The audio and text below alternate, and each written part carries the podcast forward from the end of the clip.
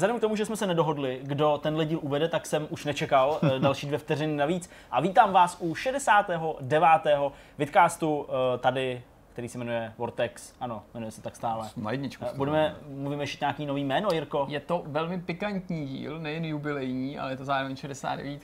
No právě. A všichni sedíme a nejsme otočeni. Nikdo Já se se ptali. Já právě. se tomu nebudu jenom jako uchechtat, já vás nalákám na závěr tohoto toho vidcastu. Přichystal jsem si skutečně takový tematický mikroblok, nikoli takový to hlavní téma, ale v té odlehčené debatě, až eh, ta stopáž dostatečně přeteče nějakou symbolickou desátou Přeteče, hodinu, no. tak se jako pustíme do takového odvážnějšího povídání. Jsem hodně zvědavý, to už teda dost přeznamenává, kam se to bude ubírat. Já už se na to opravdu těším. Eh, Přesto, Jirko, co je to tvé hlavní téma? To skutečný hlavní téma to je rozebrání statistik, se kterými se pochlubil server Metacritic, tahle ta databáze, která podobně jako Game Rankings schraňuje všechny možné čísla, výroky, verdikty. A oni nejen, že to dělají průběžně, ale teďka z toho vytáhli jeden takový jako velký elaborát, který se věnuje roku 2018, mm-hmm. pohled do toho, který vydavatel jednoduše z pohledu těch čísel a té matematiky byl loni nejúspěšnější. A je to moc zajímavý čtení, protože si spoustu věcí takhle jako uvědomíš, jak to vlastně funguje, když je to daný dohromady, jestli se dařilo víc tomuhle vydavateli, tomuhle vydavateli a taky jak jsou ty vydavatele odstupňovaný, jak který fungují, na všechno se dostane. Ano, OK. Uh, Petře, co máš ty? Dneska to bylo docela okecaný podle všeho, protože mám taky povídavý téma. Podíváme se víceméně na rozbor různých storů, který se mají spouštět tenhle ten rok. Eh, Myslím tím alternativy z týmu, jako je tady Epic Games, eh, který mají svůj vlastní obchod a podobně. Spousta lidí řeší, jak se vlastně mají vývojáři, jestli budou mít co žrát, když eh, jim nebo platforma vezme 30%. Tak mrkneme se na to z té druhé stránky, co to nabídne hráčům, co to nabídne právě vydavatelům a a nejsou to jenom peníze, které ty platformy nabízejí, je tam řada věcí navíc, které se trošku lišejí v tom přístupu směrem k nám. Takže to si povídáme. Okay, no povídat si budeme i v mým tématu, protože uh, aby těch statistik, eh, grafů a čísel nebylo málo, tak uh, se podíváme na to, s čím přišla taková docela tradiční, myslím, že letos už dokonce snad sedmá nebo sedm let eh, za sebou vycházející eh, taková studie toho, jak eh, vývojáři v Americe mm-hmm. hledí na tenhle ten trh a jaký používají platformy nebo na jaký platformy vyvíjejí mm-hmm. hry a jak dlouho jsou v práci a kolik je tam žen a mužů. Takováhle pěkná mm-hmm. statistika, kterou ještě doplníme nějakýma dalšíma takovýma postřehama eh, z trochu jiný statistiky, která se zase týká toho, jak na ploše cca 40 let vlastně vzrůstaly uh, objemy uh, těch zisků pro mm-hmm. herní vývojáře za jejich hry na nejrůznější systémy a platformy, protože to samozřejmě začne v době nějakých arkádovek No. a skončí to teď v turbulentní době plný mobilů, VRek a takových věcí. Takže super. docela pěkný takový No, výhled. Hezky pěkně. Je toho dost, nebudeme se zdržovat a pustíme se rovnou do prvního tématu, kterým je to Petrovo. No a nepustíme, protože jsme ještě neřekli, že taky máme hosta. Ty jsi mě ale překvapil. Tak, já se omlouvám, ale Ne, je dobře, že myslím, že tady musí, musí Hmm. padnout. Uh, hostem, jak už jste určitě pochopili taky a viděli, možná to je skoro zbytečný říkat, protože uh, tenhle člověk představení ani moc eh, nepotřebuje. Hmm. Posadili jsme tady na Petrovo místo v jiném čase a v jiné době, v jiných oblečeních a tak dále. Uh,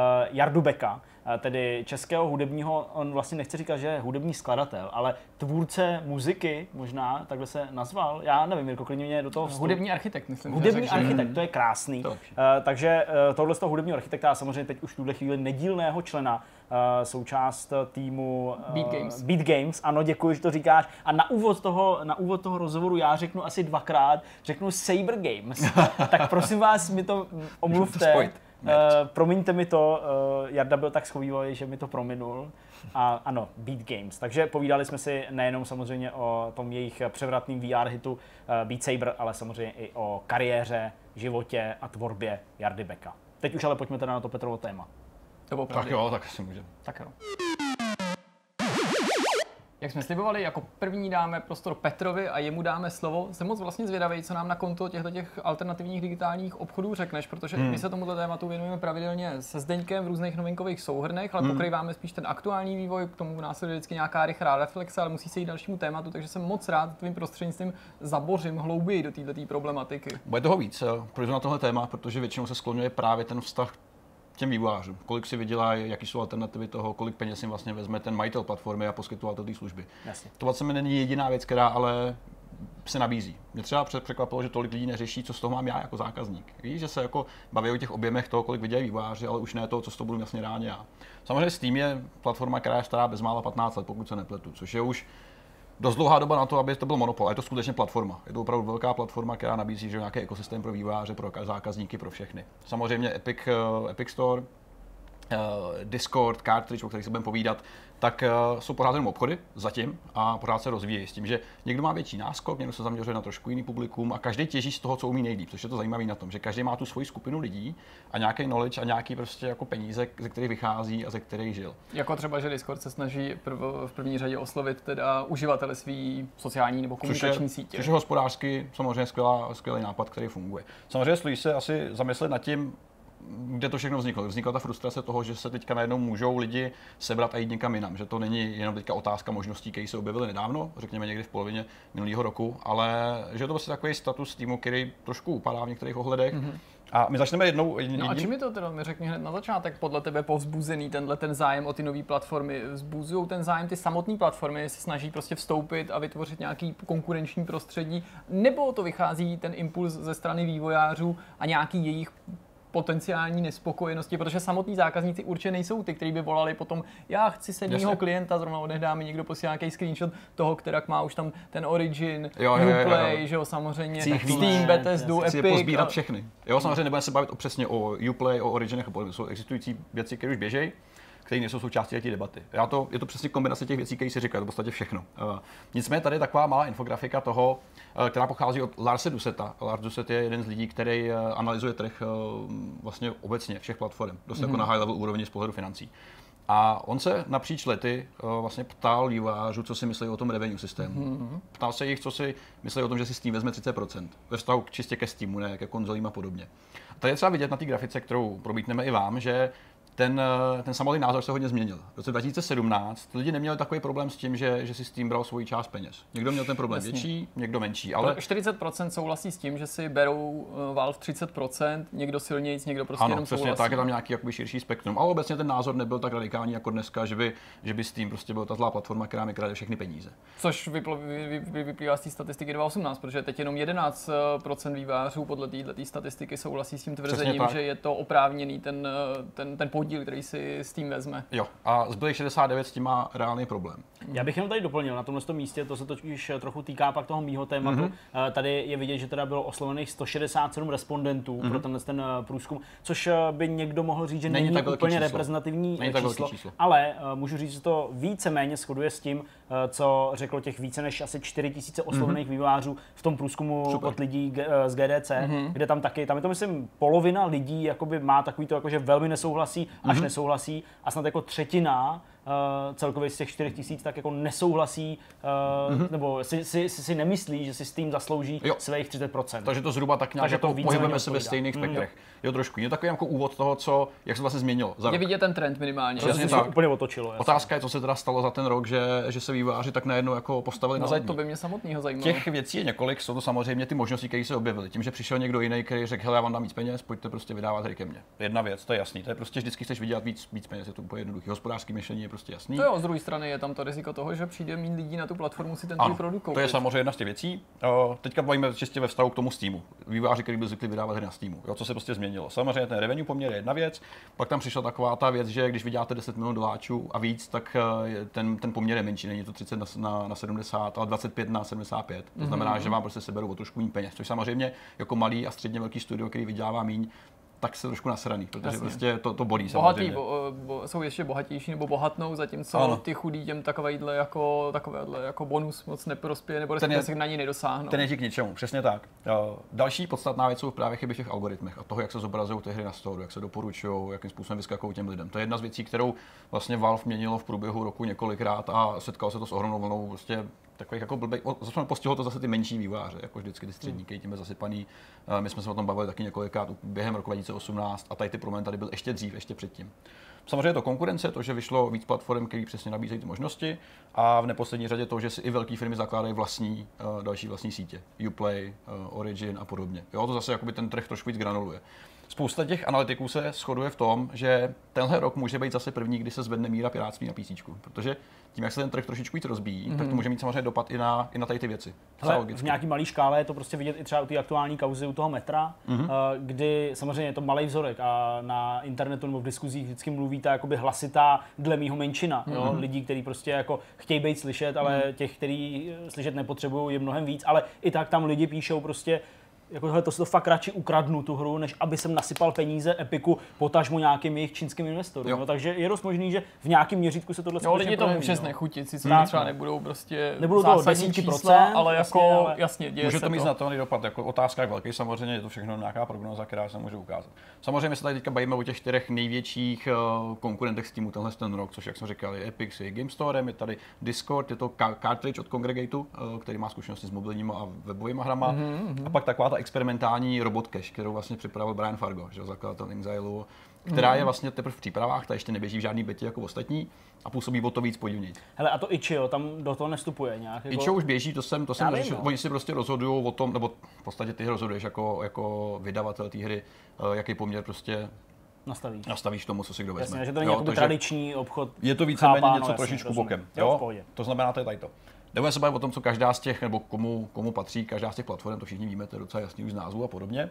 Nicméně pak tady otázka právě těch feature. A momentálně, jak jsme řekli, tak uh, tuhle dobu má Steam náskok, mnoha lety. A samozřejmě Jasně, nemožný... on teda může pracovat na UIčku, mám pocit, že nabalil ty funkce takovým s- způsobem, že je opravdu víc než záhodno bavit se o tom, co se tam leta odkládá, je ten redesign, Ano. ale rozhodně má jako to know-how, má znalosti, zkušenosti a má samozřejmě spoustu funkcí, po kterých komunita vol- volala, protože měli spoustu let je doplnit, konec konců stačí se vzpomenout na to, kde byl s tím před těma lety, když začínal. Hmm. Jo, A jakým způsobem lidi byli podrážděni, když ještě nebyli zvyklí si hry kupovat digitálně, že vůbec něco takového musí mít nainstalovaný k tomu, aby si zahráli Half-Life. To je přesně ono. Jakože featurey nerozhodují o tom, kolik lidí si bude hry kupovat, ale mají samozřejmě dopad na to, jak dlouho na té hře budeš prostě hrát achievementy, kartičky a podobné věci. Ono to samozřejmě na retenci má určitý vliv. Tady na té grafice je vidět, co vlastně s tím nabízí a co ta konkurence ještě zatím pořád nemá. Aha. Robot Cash do ní nevstupuje, protože ten samozřejmě ještě neběží, je ve fázi nějakých přístup, příprav a takových jakoby žvatlání. Samozřejmě, každá z těch platform má teďka něco. Eh, Otázka, jestli je to dostatečný nebo není, to ukáže čas. Ale mm-hmm. víceméně ty základy běží a je vidět, že s tím samozřejmě válce všechny věci, ale zase někdo má prostě svoje podstatní, který řeší. Jo? Třeba No, Discord třeba Epic typicky. vypadá tak, že má toho jako nabízí toho nejmín, té přidané hodnoty. Mhm. Mm-hmm. Z druhé strany to neznamená, že je nejmín vážná konkurence, řekl bych skoro právě jako naopak. Navíc Epic slibuje, že to chce taky rozšířit. Jasně. Říkají, že všechno. vydání toho Divisionu eh, na Epic Game Store, říkají, že chtějí jako většinu těch eh, základních, kruciálních věcí mít dotaženou. Teďka nedávno zapli, že jo, ty refundy. Ano, a, ano, ty ale řeší se třeba cloudový savey a takové věci, které teď v tuhle chvíli ještě pořád Epic Game Store Přesně nemá. tak. A to je přesně kombinace takových jako feature, který mají ty jiné služby a podobně. Takže se jakoby navzájem doplňují. Každý chybí něco, ale reálně to není žádný, žádný velký věci. Aby jsme ještě podpořili tady Je to. v tom mimochodem něco, co Steam nemá a ně, ně, nějaká jiná služba to nabízí? Eh, Reálně jo, jsou vidím to, tady na konci. eh, Je to takový ten referral program, to znamená lidi, kteří budou streamovat hm, nějakou z těch her a trošku boostnou prodej, tak ty z toho tady nic nemají. To je velká věc pro Epic Games počítá právě Mhm, Epic to velkým. jasně. No. Pak je tam... Eh, možnost placení toho, co chceš, co nabízí Humble Bundle a podobně, když si kupuješ hry. To je náhodou docela jako- dobrá věc, když se proto vývojář nebo vydavatel rozhodne, ne, ne samozřejmě globálně, Ano. takže to by s tím mohl potenciálně zavíst, to A, souhlasím. a to je víceméně všechno podstatné, co mají. Jo, že reálně to, to tady to jim chybí, ale to asi není ani jako ve fázi toho, co bych chtěl s tím reálně mít. Si myslím, že to prostě je To takový jako hodně. není jejich nějaká to strategie. prostě jasně, no. nechceš dělat. Uh, je tady ještě jedna malá, uh, jedna malá, jeden malý dotazníček. Tady je seznam feature z roku, je to z 2017, takže je to Mhm. ještě dokonce o rok starší.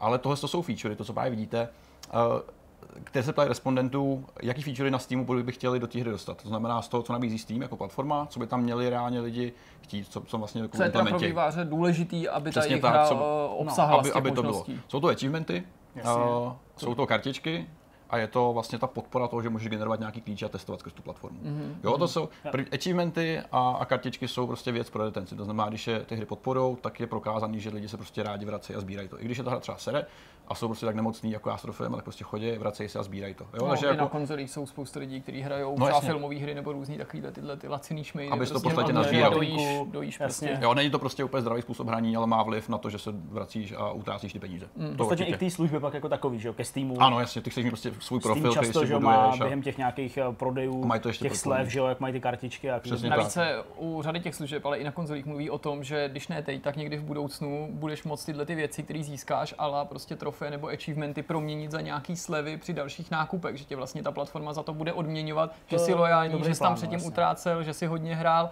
a pak to může mít zase nabrat na další důležitosti. Přesně tak, tady to je, a pak je tam ta, ta, ta, podpora toho, takový ten komfort, že si můžeš prostě ty hry nějak eh, launchovat, nějak testovat v betě a podobně. To je to, co prostě chybí jinde, jo? že to dneska zastupují mobilní platformy, které ti tady tomu hodně pomáhají, že ti dají nějaký prostředí, který můžeš pracovat, aniž by si ty buildy posílal ručně přes nějaký potutelné služby a tak. To je prostě věc, která je pro vývojáře podstatná, extrémně pro zákazníka nemá žádný velký vliv, ale Samozřejmě rozhodně to pomáhá v tom smyslu, když se rozhoduju, že co dál, tak, tak, tak půjdu prostě přes tým, protože to je prostě snažší a je to zažitý. Teďka se podíváme víceméně na, na to rozdělení toho, co vlastně slibuje vývojářům každá z těch služeb, mm-hmm. protože to je trošku odlišnější. Samozřejmě tím, že jsou všechny ty platformy v nějakém eh, startovním stavu, tak eh, na to všichni peníze. Všichni prostě prachy, sypat peníze. To je, tady to je taková taktika, která prostě OK, když nemůžu nabídnout teďka ještě momentálně nic, což samozřejmě se změní během roku, dvou, tak prostě přeplatím, co můžu. A zvlášť Epic je tady to nejagresivnější. Jenže do prostě těch vidět, exkluzivních že... dílů my pořádně neuvidíme, protože my ne. nevíme, jako, kolik ti dají, když to hra bude jenom nad tom, na tom Epic Store, kolik ti dají, když tam bude třeba jenom rok nebo něco takového. A to je všechno hrozně individuální, zvlášť ze strany Epicu v tuhle chvíli, který prostě v podstatě výváře oslovuje napřímo a, a dost jako individuálně.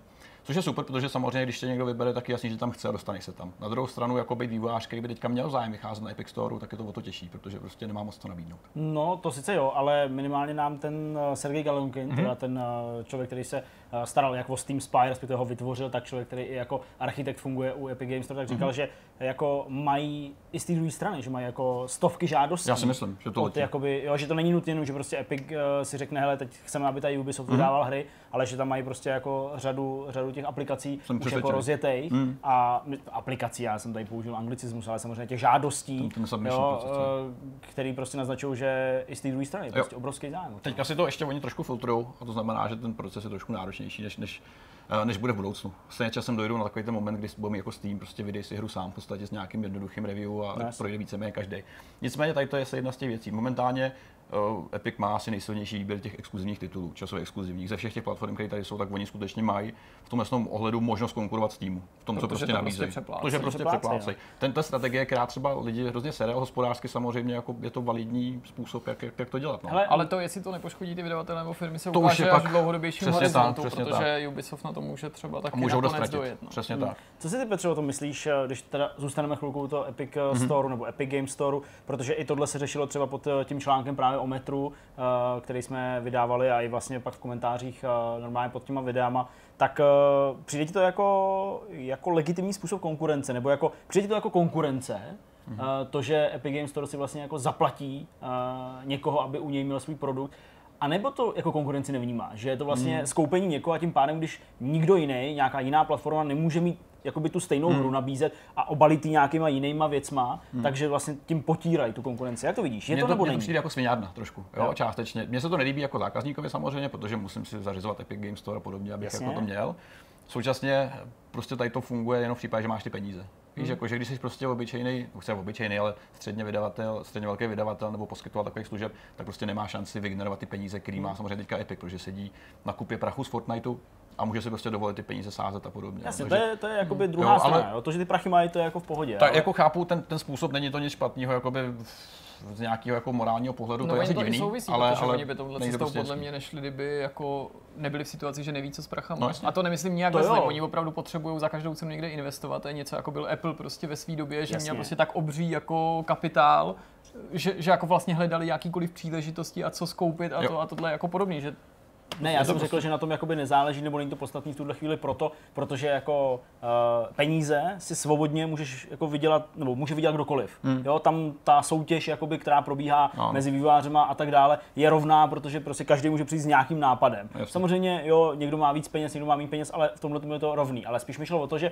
jsou lidi, kteří uh, jako za prostředek toho konkurenčního boje hmm. uh, zcela přirozeně a bez nějakého jako negativního zabarvení vnímají právě to, že oni se můžou koupit. A to, mm-hmm. je, ten, to je ta jejich jakoby zbraň ano. na tu konkurenci. Ano. Ale jsou tady právě ty lidi, kteří říkají, že to jako není konkurence, že je to jenom jako monopolování. No to jestli to je uh, fér nebo nefér, toho... to je samozřejmě jiná debata. Jo, jako kdybys to bral čistě lidsky nebo do toho tahal emoce a viděl mm. to jako biznis a tvrdý no. prostředí, tak samozřejmě jako zákazníky to štve, ty, tu, ty ostatní mm. platformy, které jako na tom tratí, to musí nutně štvát. Ve výsledku to může jako pokálet prostě i toho vydavatele a ty vývojáře, hmm. protože se může ukázat, že ty podíly, které eh, pro tebe budou výhodnější, nesrovnají tu ztrátu, která, bys... která se stane jednak, že ta platforma nemusí být tak rozšířená, prostě tam není tolik zákazníků a část těch zákazníků tam může být velice neochotná přejít, nejenom kvůli tomu, že to je jiná platforma, ale v důsledku takovýchhle kau, že ty o tom hmm. slyšíš a Steam a oni je pokakali, jo. tak prostě to tam tuplem nepůjdu Hmm. A to prostě to, zjistíme to třeba za rok po víc takovýchhle příkladech. Potřebujeme přesně čas a zjistit, jak to bude vlastně fungovat. Jasně. Z hlediska toho vývářského přístupu, tak je tady samozřejmě ten revenue split, to znamená 88 na 12%. Oni si vezmou 12% z toho, co vydělám. Já mám zbylých 88, který samozřejmě ještě několikrát zdaním po cestě, než mi vyjdou ke mně a pak ještě lokálně. Samozřejmě, když ještě vyvíjíš hry na Unreal a vydáváš je o nich, tak uh, neplatíš takový ty royalties, který normálně musíš odevzdávat, tím, mm. že prostě děláš na Unreal, což je samozřejmě taky jako pro nějakou optimalizaci financí skvělý, jako pro výváře, že jo? protože ty prachy prostě můžou být dost, dost šílený potom. Jedna z věcí, která je dost unikátní pro Epic Store, tak je ten newsletter. To znamená, že ty se vlastně jako hráč můžeš upsat, no můžeš se prostě přihlásit k odebírání newsletteru. Ve formě toho, že ty jim dáš vlastně e-mail a nějaký své údaje. Což je dost jako dobrý, protože ty máš najednou přímý kontakt na toho člověka. Na Steamu tady to není. Tam prostě nedostaneš přístup k těm jednotlivým uživatelům toho, co si kupuje. Vlastně. Ty máš vlastně databázi lidí, kterou si můžeš prostě vzít a odníst. Kdyby se prostě rozhodl jednou, hele, končím na Epic Game Store, budu se něco vlastního, tak si vezmeš tady tu databázi lidí a máš jejich kontakty a můžeš je oslovovat napřímo, což je prostě vlastně mocnější, než si lidi myslí reálně, protože ty prostě máš ty data. Máš prostě přímý, přímý možnost, jak je oslovit. Jo, pro nás je to takový divný, já prostě newslettery nechci, mě to nezajímá, ale spousta lidí se tomu rád upíše a nechají si prostě ty věci spát do hlavy přímo. A oni teda to nechávají na těch vývářích, jo, těch jednotlivých her. Vývář má tu možnost tady to, tady to požádat. Jo, takhle. Já myslím, že takže... je to plošně nějaký newsletter od Epic Games Store, ne, ne, ne, ne. řízený je to, lidma. Je to individuální. Jo, takhle. Tam byla totiž ta kauza s GDPR, že oni měli jeden jo, z těch, jeden z těch formulářů takový divně formulovaný, a nefungoval to tam opt-in, že se chceš vlastně dobrovolně přihlásit, bylo to prostě napevno a ty jsi musel odhlásit, což není úplně samozřejmě. Jo, jo, už to chápu, jo, jasně. Samozřejmě v pořádku. A tady máme ještě samozřejmě tu možnost toho si vypnout ty hodnocení a diskuze během, během her. To je prostě jedna z věcí, kterou mm. jako vývář samozřejmě můžeš, jo, aby si v zájmu vyjmutí toxicity z té komunity. Jo, to je vlastně jedna z těch dobrovolných možností, kterou ty můžeš zaškrtnout a říct, hele, já nechci pod svou hrou žádný keci, žádný mm-hmm. reviews a podobně to je věc, kterou Epic Store nabízí, samozřejmě to je zase takový trošku jako zrádný krok vůči hráčům, který často spolíhají na policejní. Hmm. Jo, takový dost jako zbavuj se prostě jakýkoliv odpovědnosti za to, že hmm. Tam je totiž vidět, že Epic to trochu dělá taky intuitivně, podle mě a instinktivně, co jako vývojáři, jaký mají samotný, sami zkušenosti a podle toho se snaží nabídnout hmm. servis eh, jiným autorům, protože vychází z toho, co by potenciálně oni mohli mít zájem, protože jako tohle je jedna z věcí, že si umím představit, že se nějaký studio od toho hmm. bude chtít odstřihnout. Ale já teda zase nevím, jak to jako přesně to máš naskoumaný víc, ale hmm ale co vím, tak jako mluví o tom, že by tam měl být ten klasický review systém, mm-hmm. uživatelský, mm-hmm. aby ty hráči mohli ty hry hodnotit mezi sebou, protože to pořád vnímají jako strašně silnou komunitní mhm. věc mm-hmm. a věc, kterou často lidi zmiňují právě v té kritice, když se porovnává s Steam a Epic Games Store, že prostě Steam to má a Epic Games Store to ani nemá. Mm-hmm. Ale co jsem jako nějak vyčet nebo pochopil, tak Epic Games Store chce jenom zamezit tomu, aby tam nemohli lidi jako plošně hejtit, mm-hmm. nebo když nemají odehráno, nebo takový ten, jo, takový ten bombing. Podle mě tady tomu ale, dojde. Jo, to si tak myslím. Jo, ale... teďka je to ještě jako ve vývoji všechno, je to teďka opravdu, ty si můžeš jako vydavatel rozhodnout, že chci prostě vypnout Aha, reviews. Okay. Podle mě, jak říkáš, se to takhle změní, protože přece všechno to jsou služby, které jsou v nějakých betách a podobně. No, jasně, no, takže no. prostě a hlavně bez review se dneska neobejdeš. No, já si to si nemůžu představit, no, vůbec, prostě, to bylo jako... Že bys kupoval naslepo, jako my možná, když už jako hry sleduješ průběžně, tak víš, ale když jsi prostě zákazník, který jde kolem a zrovna na Epiku bude nových lidí, kteří mají zrovna malé zkušenosti víc než dost právě skrz Fortnite. Jo? to je prostě jedna z věcí, která je prostě podstatná. Další Discord. Uh, Discord na to jde zase o trošku jinak. Ten uh, nabízí vývojářům 90 na 10 revenue split, to znamená, že jsme 10%. Kde se teda spousta jako lidí, co dělají z penězí, shoduje na tom, že na to musí dokonce prodělávat místama. Hmm. Protože 10% z té částky u hry, která se prodává ve nějakých vysokých částkách, třeba za 50 euro, je skoro jako poplatek za tu službu když máš jako, nějaký procesory, funguje, procesory prostě těch, eh, těch platebních bran, mm-hmm. tak ty samotný si vezmu nějaký poplatek a k tomu máš ještě lokální daně a podobně, který ti vlastně dotáhnou do takového stavu, že z toho buď to nemáš nic, nebo trošku dokonce víc platíš. Že je to takový dost jako hraniční poplatek, který mm-hmm. samozřejmě může být dost nebezpečný a závisí taky na regionu, v jakém seš a podobně. No, jo, že eh, ty daně jsou různý podle země.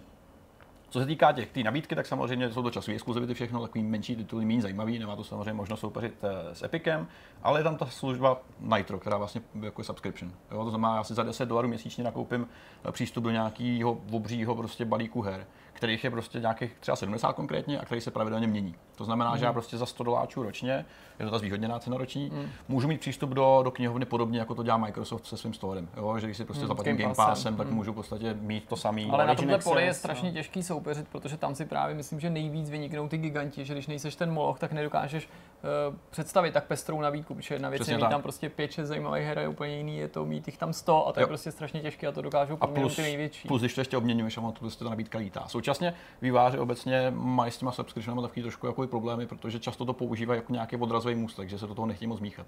Jo, že je takový jako těžký odhadnout, co mě to vlastně bude stát. Mě teďka nabídnou nějaký jednorázový peníze za to, že budu v subscriptionu nebo v tom výběru, ale současně je to dostatečně dobrý, protože ty lidi přijdou, stáhnou se to zdarma a pak jdou pryč.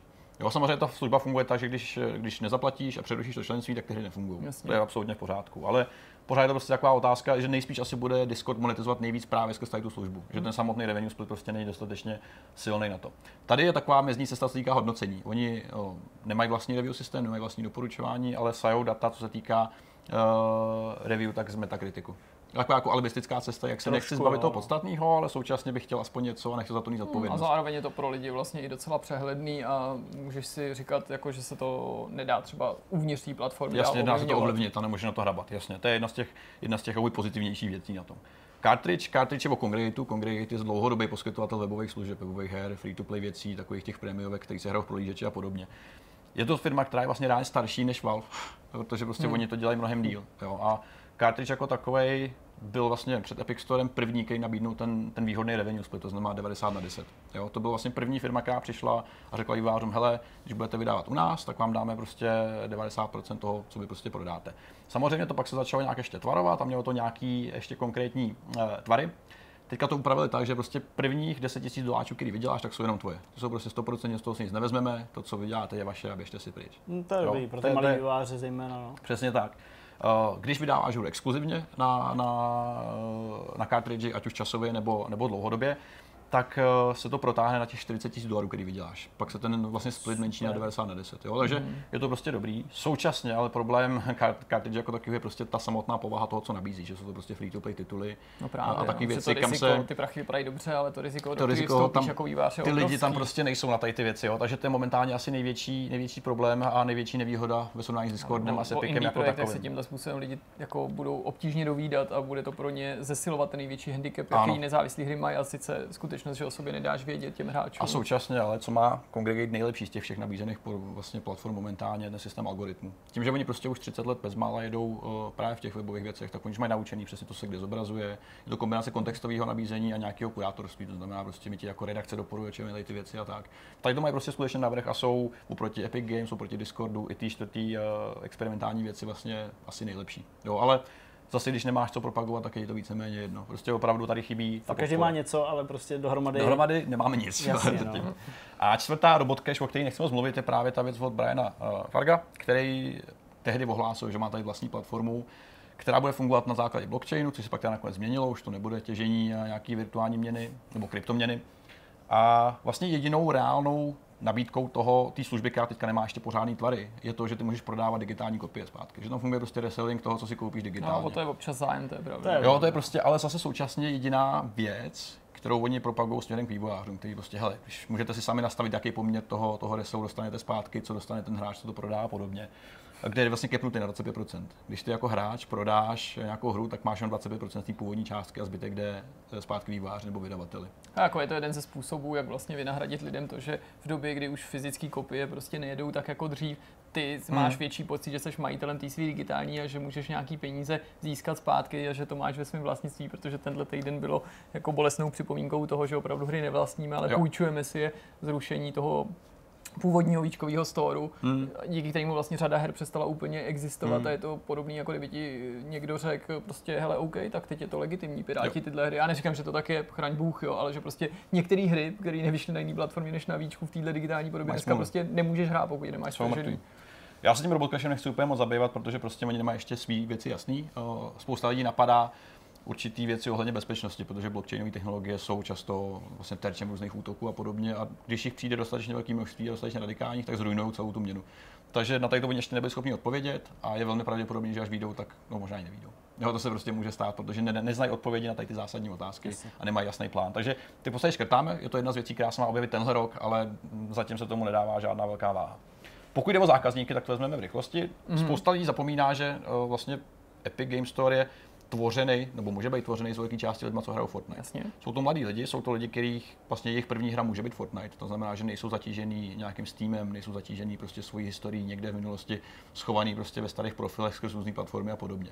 To je samo o sobě docela dobrý, protože nebudeš zažívat, nebo budeš samozřejmě z té zase jiné strany, ale je tam podstatná masa lidí, kteří nemají problém s tím, prostě si u tebe založit účet a být čistě tam, protože prostě to je domov, tam je ten Navíc ten Fortnite, tam já už chci být. prostě mají, takže oni si ho nemusí zakládat, Ten přesně ten mají, účet ten už je ti- získali s Fortnitem. Přesně tak. Jo, takže tady to je prostě jakoby třeba taková část toho, kterou lidi neberou v potaz, ale ty vlastně máš k dispozici spoustu milionů lidí, kteří už v podstatě o to stojí a nemají problém s tím tam být a ne, Hmm. neznají třeba ani Steam kolikrát. Jako může to tak být, když vidíš lidi, co hrajou Fortnite, třeba děcka, že jo, tak Steam nepotřebují, protože to je jediné, co chtějí Fortnite. Fortnite nehrajou jen děcka, ale Ano, samozřejmě, to jsem nechtěl říct tak vůbec, ne, neurážejte Bacha. se, nepište žádné věci teďka.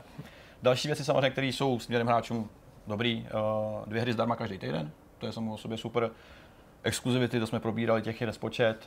Uh, Teďka se ještě trošku uh, řeší vlastně, jak jsou naceněný per regiony, to znamená, kolik hry stojí v konkrétních zemích. Mm-hmm. To je ještě otázka, To je docela problém, bych řekl. Zase ve souvislosti s tím metrem, no. Ano. Že o 10 dolarů sice to stojí míň eh, v Americe, mm-hmm. ale říkali, že třeba v Indii to vystřelilo o nějaký, asi vlastně, já nevím, o, o, o čtvrtinu možná Jo. ta cena. To je U bezvadný, že jsou na tom bytý zůstala- zrovna tyhle ty trhy, které tam to mají problémy, víc euro a dolary jako, jako na v Steam. Americe jako rozdíl 10 dolarů je prostě pro lidi, kteří si kupují hry úplně hovno. To, to je nic prostě, to je Jo. nula. Jo, ale prostě přesně Indie, jo, ale i my tady, jo, prostě to pořád stojí Tak tady tě 60, taky 60 štve, když euro. víš, že něco stojí 60 dolarů, 60 eur. Prostě To už samo je blbý Už a je ty to tam to hodně. stojí prostě 50 dolarů a tady to stojí 60 eur. Přesně tak. To, hele, to je, my jsme třeba dělali testy na Google Play a na, na, na iOSu. Uh, ty, když optimalizuješ ceny samotný pro určitý země, to dokáže zvednout příjmy třeba trojnásobně. Hmm. Takže obecně se v tier 3, 3, tier 3, tier 2 země, což jsou takový ty chudší země, nastavuje třeba o 30% levnější No jasně. cena. A Ale má to drastický vliv, protože lidi prostě ty tam peníze hodně. nemají. Je jich hodně a samozřejmě jako kupují najednou mnohem víc.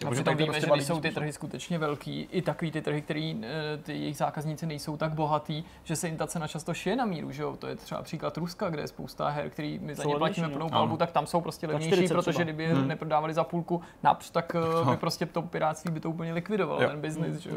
Jedna z věcí, kterou se ještě ty Zdeňku zmínil, tak je, je vlastně 40% podíl Tencentu v Epiku. Uh, spousta lidí vyjadřuje určitou obavu v tomhle tom, jakoby bezpečnosti těch dat samozřejmě. Teďka Hmm, vidíme, se když se, když se lidi že jo, zavírají z Huawei že jo, za nějaký špionáž a podobně na Tam přístroj jsem na záchod, tak, aby nikdo neviděl, když povolá. tak tam to vlastně trošku drhne uh, samozřejmě.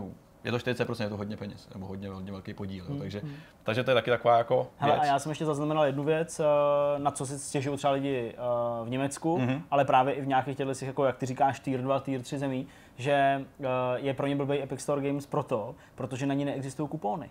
A Aha. oni jsou zvyklí kupovat je kupóny. No, jasně. Tak kupony jedou ve svým u nás vlastní měně, sám, určitě. jednoduše, bez platební karty, Jo. nic. Nepotřebuješ kartu, si no, to je- kupon na Steam 15 dolarový a, a když si to je Platba kartama je pro spoustu lidí dneska pořád problém. Přesně tak. Jo, jako ne, nenutně No to, ale že jsi i ty, neměl, ty mladší, že prostě. jo, rodiče to kupují svým No dětem a tak jako dále. Přesně, no. to jako to znám ze svého jako je okolí v podstatě, že nikdo nechce svým dítěti dát do rukou kreditku, ani mu to tam moc svazovat s tím účtem, i když je to podmíněný heslem Jo, a jo, jo. něčím. No. Prostě chceš mu radši dát tu kartičku a říct, tady si to seškrab, máš tam nabito 500 korun a utrať si to, jak uznáš za vhodný čau. Že? Jo. Tady teďka přeskočíme na Discord, který, jak jsme zmínili všechny ty věci, o, předplatný subscription jako takový, to je samozřejmě lákadlo pro, pro hráče jako takový. Je to samozřejmě jedna z těch prvních platform, která podporuje to ukládání eh, saveu do cloudu. Je to vlastně první z těch čtyř, který jsme zmiňovali. To je Mhm. jedna podstatných věcí. Současně ale Tencent má podíl i v Discordu. No má. Jo, takže samozřejmě, i kdybyste měli problémy přejít třeba z Epiku na Discord, tak ještě musíte spadnout o level níž a zkusit někam jinam. Nebojte, ve Vortexu ještě nemá podíl ten Hm. Největší problém teďka Discordu třeba směrem k hráčům je takový, že Zdeňku, ty používáš Discord nejvíc, co se týká chatování a podobně. no. Jo, a viděl jsi třeba někdy v, tý, v tom klientu odkaz do toho obchodu? No jasně, Jo. eh, často i takový jako upravený linky, Tak. které ti vezmou do toho, do toho storu. Hele, co jsem tak jako hledal, tak ty mají asi Discord má nejhorší možnou propagaci sebe sama, jako tady tomu ohledu, v porovnání třeba s Epicem a tak. Jo, Možná že se příliš uzavřel na do to jako komunity, tlačí. že hodně sází na to, Možná, prostě my ty lidi oni- máme a ty zmonetizujeme než jako Možná. navenek, protože oni nejsou navenek tolik vidět. Oni trošku víc zmiňují, že eh, vlastně používají ten systém eh, hodnocení z Metacriticu, že ty všechny věci, jako názory si obhájí skrz ty různý servery a ty diskuzní skupiny, že to berou prostě z toho pohledu, že ty hráči si to řeknou v podstatě sami. To Jasně. je jakoby jejich argument toho, proč ne.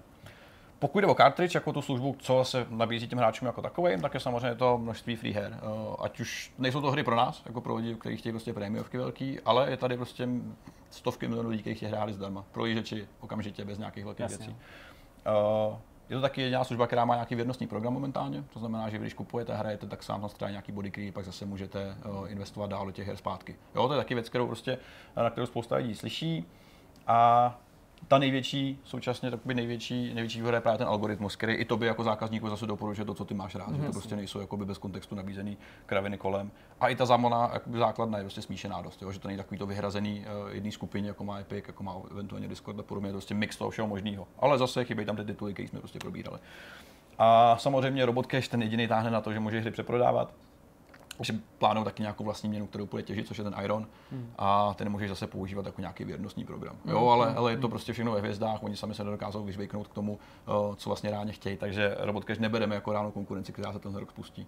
Jo, reálně těch všech věcí která byla první a která byla nejaktivnější v tom nějakém jakoby, spouštění, tak byl cartridge. Bohužel samozřejmě byli dost pomalí a předběhnuli Epiky Discord v těch věcech. To se Oni tak prostě byli no. bohužel jakoby rychlejší a aktivnější. Teďka samozřejmě víme, že největší favorit je asi Epic s tím, co nabízí a, a to se prostě stane. Řekni mi ještě jednu věc, jestli to může říct, protože nevím vůbec, jak to tam funguje, jenom srovnání s mobilním biznisem, jaký podíl si berou 30, Apple. 30% si berou. Jo, samozřejmě A to je stejný uh, Apple i Google. Apple, Apple i Google je to stejný na konzolích, ty mají taky svých 30%.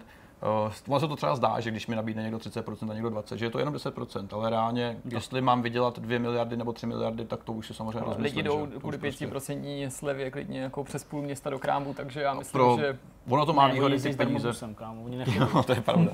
Samozřejmě ten, jako ten poměr těch výdělků je vždycky podstatný, co si budeme povídat. Zvlášť když prostě víš, že ta, než ti ty peníze přijdou k tobě, tak je zdaníš prostě na několika místech a pak tady ještě jednou a vlastně těch 30, těch, nebo těch 70% reálně je třeba jako klidně 50, jo, když to prostě vezmeš se zdaněním a se vším. Jasně. Takže čím víc vyděláte, tím víc samozřejmě odevzdáte, ale tím víc vám taky zbyde. hele Petře, Takže takový je stav, no. Jako není to, není to úplně špatný a jsem docela zvědavý, co z toho nakonec vyleze. A trošku mě děsí to přebíjení skrz prachy, ale to je bohužel takový teďka svět. No. Taky se to mi moc takový nelíbí, smutný, no. jo. Ale bohužel třeba z toho vyjde něco dobrýho. Moc krát díky za uvedení do této problematiky. Mohu ti tady ještě dlouho mazat met kolem huby, ale dám ti poslední pomazání až po natáčení, bylo to fakt pecka. Až na Můžu- konci, co jsi zmiňoval. Můžu fakt jenom smeknout, protože to byla fakt super analýza z pohledu jako vývojářů i zákazníků, co je kde za výhody, nevýhody potenciální. Myslím, Hmm. že pro spoustu diváků to může být fakt zajímavé. Rozhodnou diváci nakonec, co jim bude z těch obchodů vyhovat nejvíc. To je ukázka toho z toho roku, co se vlastně stane. Ten bude asi nejpodstatnější. Spustíme vlastní shop. Jdeme na další, na další, ten, na další téma. My budeme v té datové náloži pokračovat a tentokrát se přesuneme na Zdeňka, který si přitáhnul řadu pikošek a řadu pěkných věcí eh, o tom, jak vlastně fungoval herní průmysl v roce 2018, pokud se nepletu. Je to Přesně svázaný tak. s minulým rokem. Je to tak. Jak už jsem tady naznačoval v úvodu, tak eh, vlastně organizátoři GDC, Game Devel- Games Developers Conference, která probíhá každý rok eh, už poměrně dlouho, tak eh, sedm let za sebou eh, vytrvale sbírají tyhle ty data a jsou to eh, takový obrovský dotazníky, který posílají vývojářům, kteří chtějí spolupracovat. Mm-hmm. Jak už jsem říkal i v úvodu letos, nebo v průběhu tvého povídání, letos jich bylo víc než, pardon, téměř 4 tisíce. Loni bylo přes 4 tisíce, ale to číslo hmm. osciluje kolem těch 4 tisíc. Začínali před těma 6 nebo 7 rokama na nějakým počtu asi tisíc, hmm. takže se to pak ještě zkvalitňovalo a zkvalitňovalo. Bohužel, bohužel, ty reporty často jsou součástí toho placeného voltu, hmm. placeného toho, uh, té truhlice. Uh, nicméně tenhle ten report eh, z, teda z roku 2018 tak je zveřejněný, uh, je k dispozici, hmm. ověřoval jsem, jestli to není jenom jako ukradený No, někde. kousek jo, ne, je, je k dispozici, najdete ho teda u nás na webu i ve článku, který se tomu věnoval. Eh, Můžete si na něj prostě kliknout a podívat se na to celý PDF, má to asi 24 stran. Mm-hmm. A je tam opravdu eh, spoustu zajímavých věcí, eh, které tady nemůžeme probírat, protože bychom tady byli další půl hodinu nebo něco takového. Ale rozhodně, a to tím bych rád tak začal, to není jenom o tom, co se všude objevovalo a co se všude psalo, že PCčko prostě No nejpopulárnější. já jsem chtěl říct, že tohle je vlastně téma, který se objevuje každoročně v tuhle tu dobu, protože Hmm. se vždycky z toho vytáhne tenhle ten jediná informace, nebo říkám nejen, ale prostě neustále se to jako roky. opakuje, Hmm. že vývojáři nejvíc preferují vývoj na PC a pak eventuálně nějaký je další jako bonusy. Já jsem přesvědčený, že to asi není to nejzajímavější, kvůli čemu má smysl se do těch hmm. statistik a do toho čtení pustit. Eh, Stopro. Eh, Celý to začíná, bych řekl docela příhodně, eh, tím, že se tam řeší eh, vlastně to, jak dlouho výváři pracují. Hmm. Protože tématem loňského roku, no minimálně jeho druhé poloviny hmm. nebo konce, od vydání Red Dead Redemption de facto, nebo ještě před vydáním, tak se prostě řešili crunche, řešilo se to, jak ty výváři tam jsou, teda stovky hodin týdně a podobně. Eh, Já se tady usmívám, nechci to zlehčovat, téma je to samozřejmě eh, vážný. Eh, Nicméně pokud vás zajímají data, tak vyšlo najevo, že 44 respondentů, 44 oslovených 44% Ok. oslovených, říká, že jejich pracovní týden má víc než 40 hodin. Což bych řekl, že je docela jako vlastně hmm. celkem v pohodě, když si to uh, vydělíme, je to prostě 8 hodin, uh, 8 hodin denně, pracovní týden, to je, to je normální, takže spíš eh, než jako, že by nás mělo ohromit to, kolik jich má ten, eh, ten pracovní týden, tak prostě spíš je jako dobrý, že, že to prostě nejde někam jako extra pryč, protože ty další procenta jsou samozřejmě rozmělněny. Jasně. A kdybychom to měli vzít z toho druhého spektra, to znamená, kdo teda pracuje nejvíc, tak eh, 3% říkají, a to se dostáváme na druhou stranu, že jejich pracovní týden eh, má průměrně 60 hodin. Hmm. Jo, takže eh, dostáváme se opravdu jako k celému tomu jako rozptylu, že to něco uprostřed tam je určitě to je věc, která se musí řešit, ale není to něco, co by bylo plošný. To znamená, že by tam ty výváři byly stovky Taky hodin, lokální problém. všichni. Jo, Patříme jo. mezi ty nejlepší 3%. Patříme mezi ty nejlepší. Samozřejmě, Srdcaři, no. uh, samozřejmě uh, ty lidi, kteří pracují přes 100 hodin, tam jsou taky. Hmm. Uh, samozřejmě signifikantní pro ten nárůst počtu hodin strávených v práci je i to, v jakém týmu ty lidi pracují. Hmm.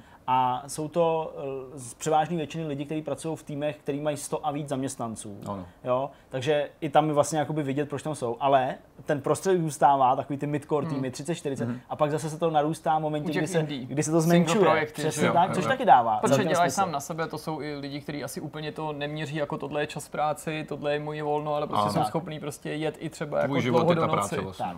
Eh, Dál v souvislosti s tím, eh, jak hodně moc vývojáři pracují, tak se řešilo, řešilo se, se ty důvody. Uh, označovalo se Rockstar jako nějaký prostě otrokář Mhm. mm-hmm. s bičem, ať už by to byl kdokoliv v té firmě, který tam prostě stojí nad těma vývojářema a mlátí je po zádech, dokud tam prostě jako neodvedou tu svoji práci a ne, nezavršejí 100 hodin. 69% oslovených vývojářů v tomhle tom průzkumu uvedlo, že důvodem, proč pracují přes časy, Mhm. mm-hmm. je jejich vlastní zájem. Je to anonymní, podotýkám. Mhm. Já si nemyslím, že by měli jako nějakou Za zádem motivaci lhát. Hmm. Jo, nebo jo, Ne, prostě, tak to skutečně bývá. Jako to je... já chápu, že někdo může říct, jo, to, to, to, je, to, je, to je můj vlastní zájem, jo, prostě pomožte mi, jo, ale, ale přesně, ale jako říkají, že opravdu 69% z nich uh, skutečně tam zůstává, ale co je teda důležitý dodat, uh, na tomhle místě uveďte důvody, proč zůstáváte v práci přes čas, tak uh, mohli dát víc odpovědí a na 59% uh, je to, eh, že si údajně vůbec jako ani nevšimli toho, že by tam byli nějak extra dlouho mm-hmm. a přesto už to byl přes čas. Mm-hmm. A čtvrtina, 25%, uvedla, že k tomu teda byla přinucena nějakýma okolnostma. Okay. A tam se zmiňuje jakoby týmovost, že Ano. ten tlak od těch jakoby hráčů na stejné úrovni, ale zároveň i nějaký jako Nikdo ti neřekne, eh, buď tam, ale- manažerský ale- ale chceš rozhodnutí být prostě nebo, nebo, nebo něco. No. Takže uh, to, je, to je docela fajn. To více mi vypovídá o tom, co se tady jako, taky. co se jste Přesně. taky, Fakt, jako já jste, v jsem- tý, jste v tý dokonce v té anketě. My jsme taky v té týmovosti. No v anketě nejsme v týmovosti. Jo, já jsem třeba teďka potřeboval jako fakt nutně jít už jako v, v, v 19.50 a zde to potřeba být ještě asi 10 minut a měl jsem z toho fakt Říkal jsem, bylo to divný, já to chápu. Na to se nedá nic To je říct. jenom taková legrace. Hele, uh, Ale není. můžeme se přesunout uh, z těch různých věcí, fakt to projděte, protože tady jako přečítat celou tu zprávu je, je hloupost, ale můžeme se přesunout uh, k tržbám, Mhm. mm-hmm. penězům, což se týká i vlastně toho tvýho tématu, o kterém jsi tady mluvil. 55% oslovených eh, vývojářů, takže víc než 2, 2000 prostě těch lidí, kteří na to odpovídali, tak eh, říká, že 75 až 100% Mhm. mm-hmm. jejich příjmů z prodeje videoher pochází ze Steamu. Mhm. Mm-hmm. Takže tam je ještě vidět, že pořád ten Steam má opravdu Určitě. jako neotřesitelnou pozici, mm. což A je to v té druhé eh, skupině neznamená, že jsou obchody, o kterých mluvil Petr, ale tam jsou všechny ty to- no, originy jasně, a konzole tak. samozřejmě. Že jo. A, A uh, samozřejmě tahle statistika ještě pak uh, stojí vedle té statistiky, uh, kde se, nebo toho, toho dotazu, kde nejčastěji chtějí prodávat ty svoje hry. Mm-hmm. Jo? A tam uvedlo 47%, uh, že teda na Steamu a 26%, což je ta druhá hnedka jakoby nejčastější odpověď, byl vlastní přímý prodej, vlastní mm-hmm. distribuce. Jo? Takže jasně, to je- to je uh, pravda. žádný další shop nebo nějaká další možnost Žádný se tam který ti To i spousta nedostala. vývojářů říká, že oslovuje ty svý fanoušky a říkají prostě, jo, tu naši hru můžete koupit na těch distribučních kanálech, ale pokud nám chcete jako nejvíc pomoct a pokud vám nevadí jo, prostě jo, jo. alternativa, tak si to kupte od nás, protože my budeme mít prostě z toho nejvíc peněz. To je pravda.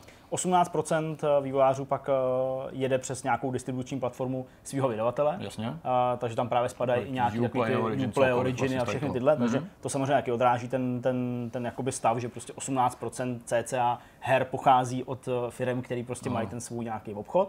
No a uh, to je to, co už jsem tady říkal, právě v souvislosti s tím Steamem a Epic Games Storem, tak uh, jim byla položena otázka právě, uh, zda si teda Steam za, dokáže obhájit ten svůj 30% cut z těch uh, tržeb a tam vlastně teda ta třetina řekla, že ne. Mm. A jenom 6% vývojářů v Americe a na základě tohohle z toho průzkumu si myslí, že ten poměr je fair. Aha. Jenom 6%. Mm. No, a to je vlastně to, co jste viděli v tom grafu, který se otočil za ty dva roky Jo. úplně zrcadlově. To je pravda, no. Takže to, je, to, je, to je docela fajn. No, pak tam byly takový jako srandy, jakože, a to je vlastně taky velký téma, že uh, jestli se mají ustavit ty odbory konečně, mm-hmm. o kterým se furt jako mluví, že když je nějaký bezpráví V právě Británii už je to aktivnější, tam se dali dohromady a začínají skutečně fungovat. tak, tak. No, věřte, nevěřte, ale možná to nebude tak jako ožehavý téma, protože uh, pro tuhle tu myšlenku se vyjádřilo pouze 21% oslovených. Já ti řeknu, že si myslím, že to souvisí s tím, že se ptali amerických vývářů na konferenci, která je ve Spojených státech, kde prostě ty odbory nemají takovou tradici právě jako je třeba Velká Británie. Tomu já věřím, ta tradice hmm. je určitě menší, ale když jsme jako četli a probírali jsme se tady právě těma jakoby novinkama nebo nějakýma prostě uh, událostmi, které byly spojeny zejména s uh, těma dlouhými přesčasama, tak uh, hele, to byly americký servery a byly to americký výváři, který prostě jako ví, ví, jo, ví že to vypadalo, že každý chce a že prostě to vypadalo odbory, skoro jako, jako nějaký tlak z Jo, Ameriky. jo, to je jasně. pravda. Proti, dokonce proti se, se vyslovilo 24%, o, mm-hmm. o 3% ještě víc, zbytku to bylo tak nějak jedno. Mm. Další zajímavá statistika, eh, jak jsou na tom ženy a muži, eh, zastoupení Super, pohlaví, jasně. eh, tak eh, stále to narůstá, nicméně pořád, alespoň teda Ten z těch oslovených podíl je jen 20%. Hmm. Zatím, zatím teda uh, to takhle plošně To vychází. jsem doufal, že to číslo bude Taky lepší. jsem myslel, taky jsem myslel. Uh, pak, uh, a to zase souvisí s tou statistikou, jak dlouho byli v práci, 19% vývojářů tvrdí, že uh, pracuje v týmech, který má víc než 500 lidí. Wow.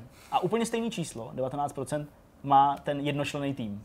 Že je jakoby super. pracují solo. To je tak to je fakt úplně boží, že to, To je prostě brutální, úplně ty obě ty, obě ty, To jsou ty ty extrémy, extrémy že jo, zůstávají, přesně tak. No a ty platformy, tak uh, pojďme k tomu. Nejoblíbenější platformou pro vývoj her Hmm. je počítač, PC.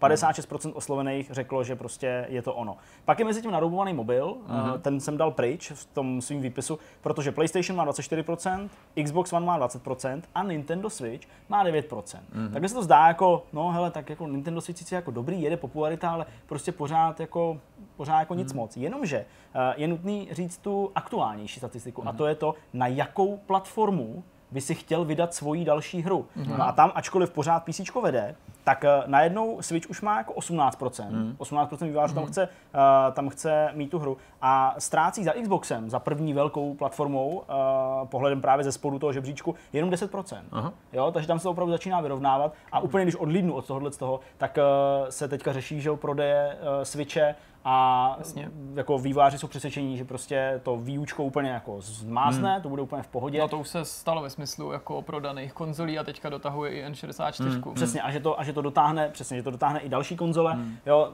samozřejmě víčko to jako je trochu ještě jako jiná kategorie, Těžší, ale ale je opravdu vidět, že, že skutečně Switch se uh, podařil. No a co se týče ještě dalších věcí, hned to tady najdu, tak uh, uh, pak ještě bylo takový jako mm, takový zvláštní dotaz možná trochu, uh, jaká, jaká konzole je pro ně nejzajímavější, konzole, platforma nejzajímavější, což je něco jiného, než jaká je nejoblíbenější, mm-hmm. protože ne všichni by chtěli nebo mohli vydávat na nějakou cílovou platformu, nebo na kterou chtějí vydat hru. A nejzajímavější je stále PC, uh, 60%. Říká, že prostě furt by bylo pro ně to nejzajímavější, ale třeba z nějakých důvodů proto nemůžou vyvíjet.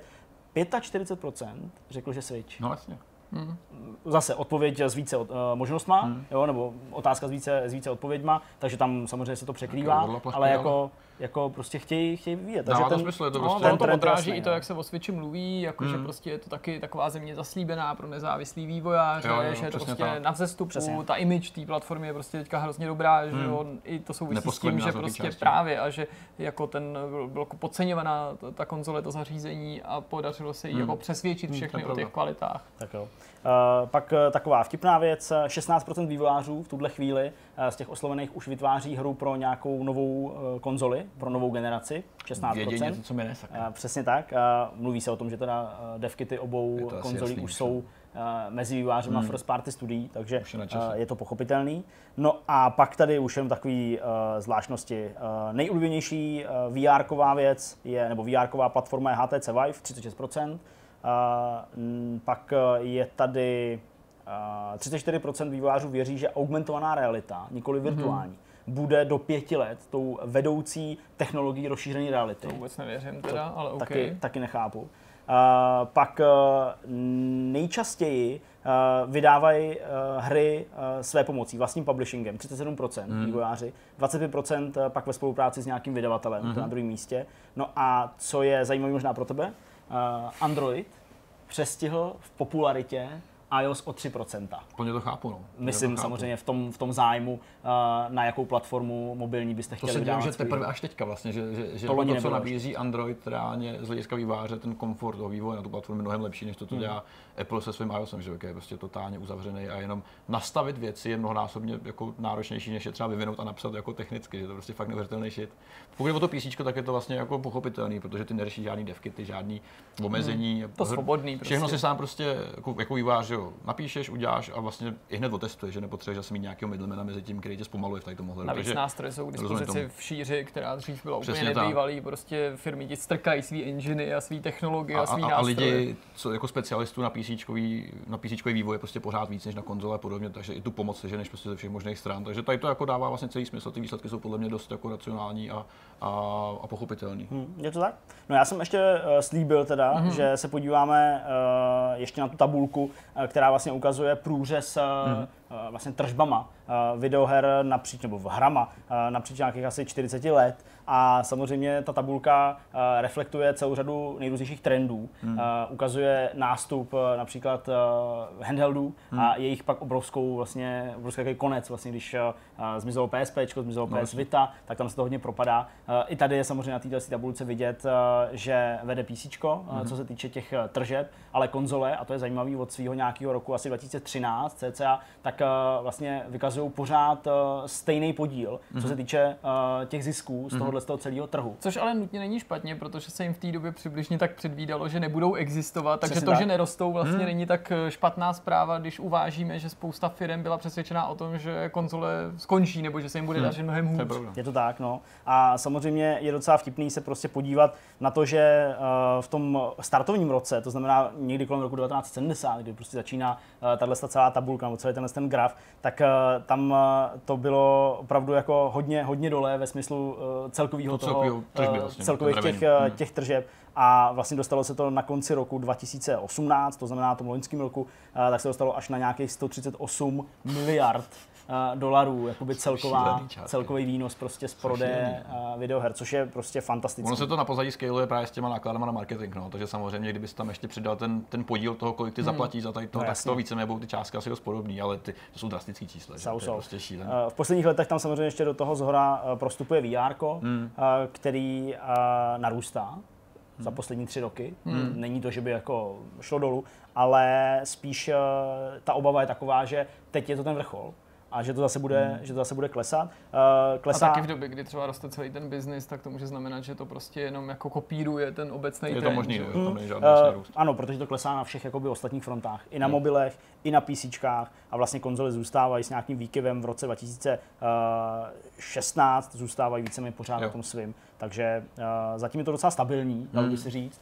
A ty další roky prostě asi nám ukážou hodně i stran těch nových konzolí a pak teda možná ty augmentované reality, když jí věří tolik uh, prozíravých vývojářů z Ameriky. Snad ne. Bylo krásný, bylo hezký. Super, mám z toho radost, protože i to další téma, který načneme za malý moment, vlastně bude rozvíjet to, o čem si mluvil ty a podíváme jasně. se na tom, co vlastně všechny tyhle ty věci znamenají pak v praxi, když se začnou ty hry hodnotit. A, tak, a to je vtipný, že jsme si vůbec tohle takhle nedomlouvali. Ani to, že by to mělo navazovat, ale ani to, o čem se budeme bavit, že to bude takový matematický koutek dneska. Tak pojďme na další téma. Tak pojďme zase o dům dál, tentokrát na Metacritic, který vydal svoji výroční eh, zprávu o tom, jak se hry hodnotily v roce 2018. Takže tady máme takový krásný závěr toho. Teprve teďka přesně vlastně skončilo 2018. Teďka oficiálně je tady ten pravý konec. Tohle je zase vlastně takový další alternativa k nějaký anketě, že jo, k tomu, No jak se jasně. vyhlašují ty nejlepší hry. Tak To je tohle je taky způsob, jak vlastně se dají vyhlašovat nejlepší hry, protože ty reflektuješ to, i- několik kolik peněz vydělali, ale teda jaký v souhrnu Mhm. mm-hmm. obdrželi hodnocení a co to znamenalo, a to mě na tom baví nejvíc, pro ty společnosti, které je vydávali. Teďka se nebudeme bavit o vývojářích, jestli jim to Mhm. přineslo úspěch, peníze, možnost pokračovat, ale o těch vydavatelích. OK. Eh, Jak ten mechanismus funguje? Uh, vzali se prostě ohodnocené hry a zprůměrovalo se to? Eh, Není to tak úplně jednoduchý, ale nemá smysl zabředávat do těch detailů, jak to funguje, čemu se dává váhu, ale faktem je, že Metacritic samozřejmě sleduje eh, hodnocení, které ty hry obdrží od kritiky, ale i od uživatelů, soustředí se na tituly, eh, které mají nad určitý číslo nebo prostě dosáhnou určitýho skóre, to je vlastně, teďka neříkám vedlejší, ale nemusíme se do toho pouštět takhle detailně. Mm-hmm. Podstatný je zmínit, že už po devátý sestavil tenhle ten žebříček mm-hmm. a je to na tom znát, protože ty výsledky jsou skutečně detailní a byla by vlastně do určitý míry škoda snažit se to jako přepsat formou článku do jiného textu a jenom to překládat, protože by si stejně ve snaze jako nikdy bys to neudělal tak dobře, anebo bys to musel vykrást jedna ku jedný, protože tím chci říct, že prostě pokud chcete jako mít všechny ty čísla a možnost to porovnat, hmm. tak je úplně vůbec nejlepší podívat se na Metacritic, najít si tenhle ten článek a dívat se na to přímo, než na texty, který to se snaží nějakým způsobem tlumočit. Hmm. Zásadní rozdělení, který Metacritic provádí a je samozřejmě e, poměrně určující pro ty výsledky, protože on rozděluje vydavatele na střední, velký a malý. Přičemž ty střední, o nich se budeme bavit jako první a o jejich úspěších a je to žebříček, takže tam skutečně jsou první, druhý, třetí a další místa. Mm. Tak eh, to jsou vydavatelé, kteří vydali minimálně 12 a víc titulů. Okay. Podmínkou samozřejmě je, že oni vychází eh, ze stící vlastní databáze, to znamená nesledují tituly, které by z nějakého důvodu nebyly hodnocený, jo, ne, nepřišly do těch databáze Metacriticu, což jako se může v některých izolovaných eh, případech stát. Mm-hmm to je prostě i celkem logický, aby se vyloučily nějaké statistické chyby. No a když se podíváš na ty velký vydavatele a pak když se podíváme na ty střední, tak vlastně zjistíme, že v těch velkých vydavatelích už dneska některé firmy chybí Aha. a my bychom je přitom tam očekávali.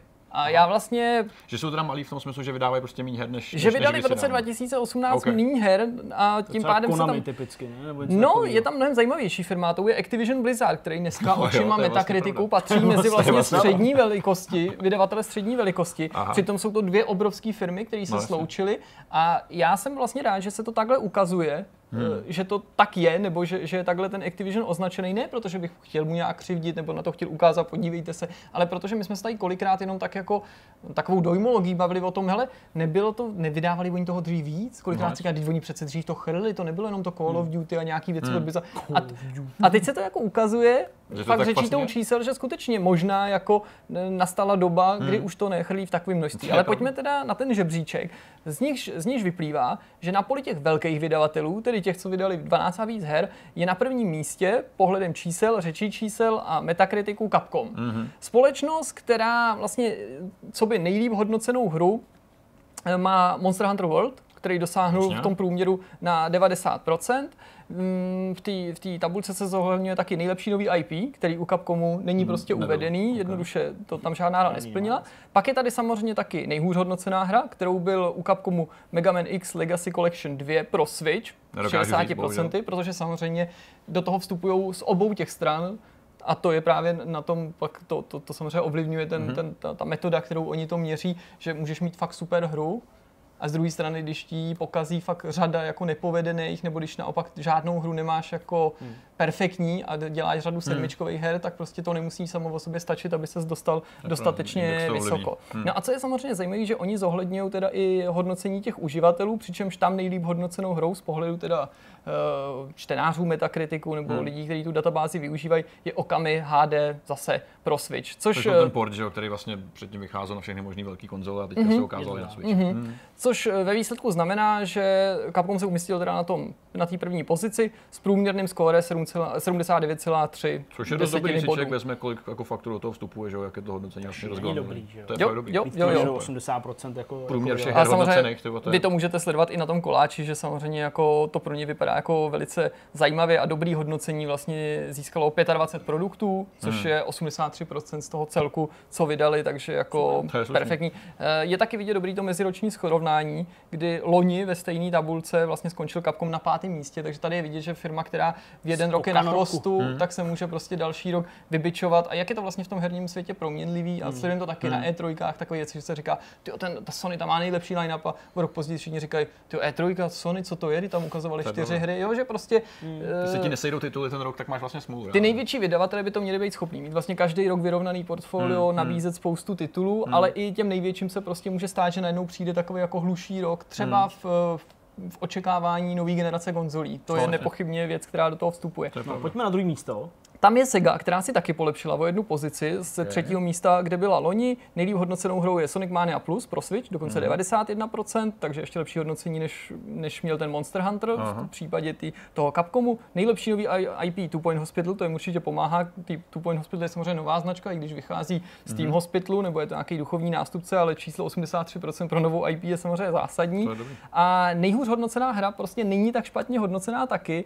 Eh, Je to tady ten Shining Resonance Refrain, který získal 67%, Což je dobrý, průměrný na tu nejhůř hodnocenou hru za To rok. jo, no. To je pořád fajn. Přesně, protože my jsme zvyklí, že kolikrát eh, tam číhají mnohem větší strašáci ve skříních těch velkých vydavatelů. Je to třeba příklad Square Enixu, jo, který prostě tu a tam sáhne někam úplně vedle a vydá prostě něco, co, co lidi zděsí. A je tady taky schoda v tom nejlepším hodnocení kritiky a hráčů samotných, protože Sonic Mania Plus pro Switch se stala i nejlíp hodnocenou hru z pohledu uživatelů se skóre 8,9. Ten Switch se objevuje docela často v těch prvních místech. Celkem Všude se objevuje. Dobře. Na třetím místě jsou Electronic Arts. Nejlíp hodnocenou hrou je FIFA, 83%, nejlepší nový IP Way Out, skoro 80%, to se taky nabízí. Nejhůř hodnocená hra FE, nebo FI, To se dá docela asi jako s tím souhlasit, ale to vlastně není vůbec špatný výsledek, protože to mělo průměrný skóre 70%. což je úplně fantastické. Což je skvělá známka. V podstatě spousta firm by byla spokojená, kdyby tohle byla jejich nový IP. No jasně. A, a víceméně to můžeš vnímat jako plusový body. A nejlíp hodnocenou hrou uh, z portfolia EA za rok 2018 bylo Way Out, Hmm. takže Pohledem hráčů. Škoda pohledem tam- hráčů, přesně, přesně Hmm. tak.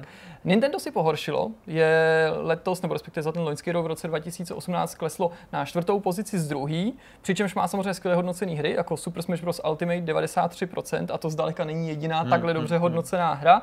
Nejlepší nový IP určitě taky pomohlo Octopath Traveler 83%, opravdu chválená hra. Z druhé strany je pak vidět, jak tě sráží prostě ty nepovedený tituly, i když máš portfolio skvělý, plný z jako skvělých hodnocených her, protože Kirby Battle Royale získalo 57% Jasně. průměrný skóre. A to jenom proto, že se to jmenuje Battle Royale, ale lidi si to všimli a začali to jako se negativně to. hodnotit.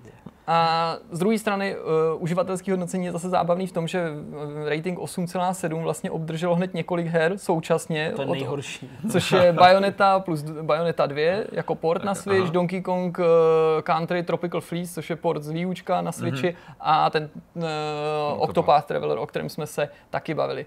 Ubisoft si polepšilo jedno místo, je pátý, byl eh, šestý, Assassin nejlíp hodnocený, eh, nejlepší nový IP Transference, což je ta VR záležitost, Mhm. na který se podíl Elijah Wood, nejhůř naopak hodnocený Far Cry 5 a u uživat- uživatelů nejlíp si vedlo Child of Light pro Switch, což je To Far Cry samozřejmě je to dokonce to Far Cry DLCčko, 5 má- ale ten, ha- a je to, to je ten Hours of, to je to DLCčko, ne? Nebo to hodnocení zvlášť dokonce?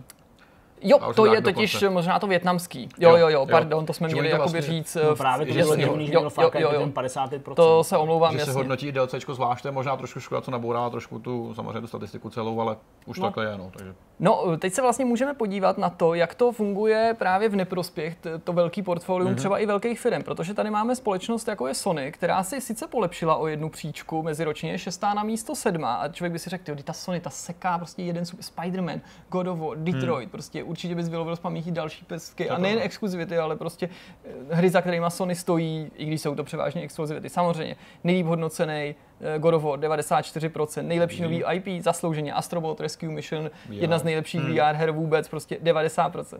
Z druhé Naopak. strany máš tady obrovskou kotvu, která tě táhne k zemi, Bravo. Bravo tým, Hmm, prostě. což je taky VR, že Z 45%, Je. přesně. Něco, co ti úplně jako rozbombarduje to tvý portfolio. Lidem se taky líbil, pochopitelně War, ale mnohem zajímavěji tady najednou vypadá tenhle to srovnání, tenhle ten koláč, který vy můžete sledovat přímo a diváci snad na obrazovce, kdy tady vidíme, že prostě sice máš tady prostě skvěle hodnocené hry, devět prostě e, titulů je hodnoceno kladně, což je 43% toho celku. Hmm. Máš tady pár špatných, konkrétně jeden, teda ten Bravo tým, ale prostě víc než polovinu produktů, že jo, nebo těch, těch titulů toho tvého portfolia, tady 11 kousků ti jako prostě tvoří nějaký průměrný hry, Hmm. takže s tím se jednoduše vejc nedostaneš. Asi To je nebude nás pravda. smysl to dál detailně rozebírat, ale Jasně. zmíníme, že právě ten zmíněný Square Enix tomu eh, nepomohla ani Nier Automata, eh, ani jiný poved, jako povedený produkty eh, tváří v tvář neúspěchu, který představoval Quietman. Hmm. O tom se přesně mluvilo, že prostě 29%. Aut, ty uděláš něco takhle, takhle obrovský přešlap, to je jedna z nejhůř hodnocených jako her vůbec a už nemluví o tom od takhle velkého No, vydavatele, jedno z, jako z obrovských zklamání loňského roku a najednou tady máš prostě takovouhle raketu. Ale faktem Hmm. je, že Square Enix má pět dalších titulů v této kategorii jsou nepovedených, prostě těch černý, Mm. červených, a to tvoří 10% toho jejich celkového počtu těch titulů, že? což No, je teda šílený. Takže jo, fakt super, ty máš prostě jako 52 her, ale prostě když ti tolik zklame, tak je to, tak to problém.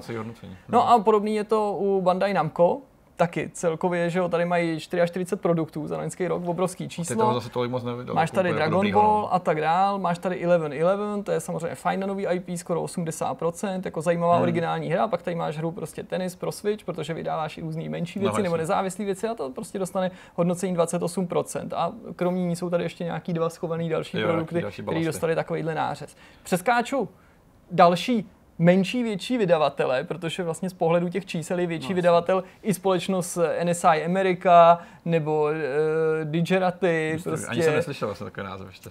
Digital nebo Focus evropský. Hmm. A na samém chvostu se odcitá THQ Nordic. Tam se ještě zastavíme. Eh, Focus to je prostě vydavatel průměrných her. A tady je vidět, že když máš hodně průměrných her, tak vlastně skončíš takhle. Hmm. Skončíš vlastně jako blbě, jo? protože dobře hodnocená první epizoda Council, nejlepší nový Jo. IP, taky ten Council. Jenže tam máš prostě pak spoustu titulů. Oni mají prostě 29 her, který skončí jako v tom, v tom, v žlutém, nemají v těch vodách červený, průměru. červený jako slabý Ne. titul, ne? Ale mají prostě průměrný. Já jasně. třeba, jako kdybych měl jako ne řeči čísel říct, co je fokus pro mě, tak je to pro mě nadstandardní vydavatel. Hmm. Vydavatel, který mě nesklamává, který vydává nadprůměrný, lehce nadprůměrný, ale fajn hry, hmm. který přesně já v jeho portfoliu nevidím propadáky, což ta tabulka jako reprezentuje, že když většina těch her asi vypadá podobně jako Space Hulk, to znamená, Hmm. že moc nikoho nenatchne, pohybuje se kolem je pravda. 50-60%, tak to prostě nestačí na to, aby si v takovýhle tabulce uvažoval vejš. No ale u toho THQ jsem se chtěl zastavit z jiného důvodu, protože Wreckfest se stal nejlíp hodnocenou hrou i nejlíp hodnoceným IPčkem, ale vstupuje do té statistiky i Kingdom Come Deliverance, který je nejlíp hodnocenou Mhm. mm-hmm. hrou z portfolia THQ Nordic z pohledu uživatelů. Mhm. Mm. A to je teda nutno ještě uvíst, eh, protože to možná vyvolá nějakou paniku, tak THQ Nordic koupili Koch Media, což je samozřejmě teda mateřská Koupíš společnost. to krát Silver- posledně ano, hotový. ano. Deep Silver je label, pod Jo, jo, jo. vychází Kingdom Což je i Come. fér, že se to tady takhle jako slučuje dohromady, ale dobře, to že jsi to doplnil. A jsou Tady, dva THQ Nordic ještě mimochodem. Jo. Mateřská švédská a ta jakoby dceřiná vídeňská, která je na stejné úrovni jako Mhm. mm-hmm. Koch Media. Je to náročný, ale švédský THQ Nordic slíbili, že se přejmenujou. Konečně. Aby to prej konečně nebylo takový jako Snad radši ne. No i tady mají samozřejmě takovýhle jako solo kapry, tři kousky v červených číslech, mezi nimi nejhůř hodnocený Agony, taky jeden z propadáků Mhm. mm-hmm. loňského roku. No a přesuneme se do těch uh, vydavatelů té střední kategorie, který definují uh, publisheři, který mají prostě 5 až 11 titulů, který vydají v tom období jednom, eh, čili ročně a tady ten žebříček taky je celkem jako jednoznačný. Activision si minimálně může připsat to, že zůstal na prvním místě v těchto těch středních vydavatelech, eh, prostě s průměrným skóre 77,4, Mhm, což je fajn.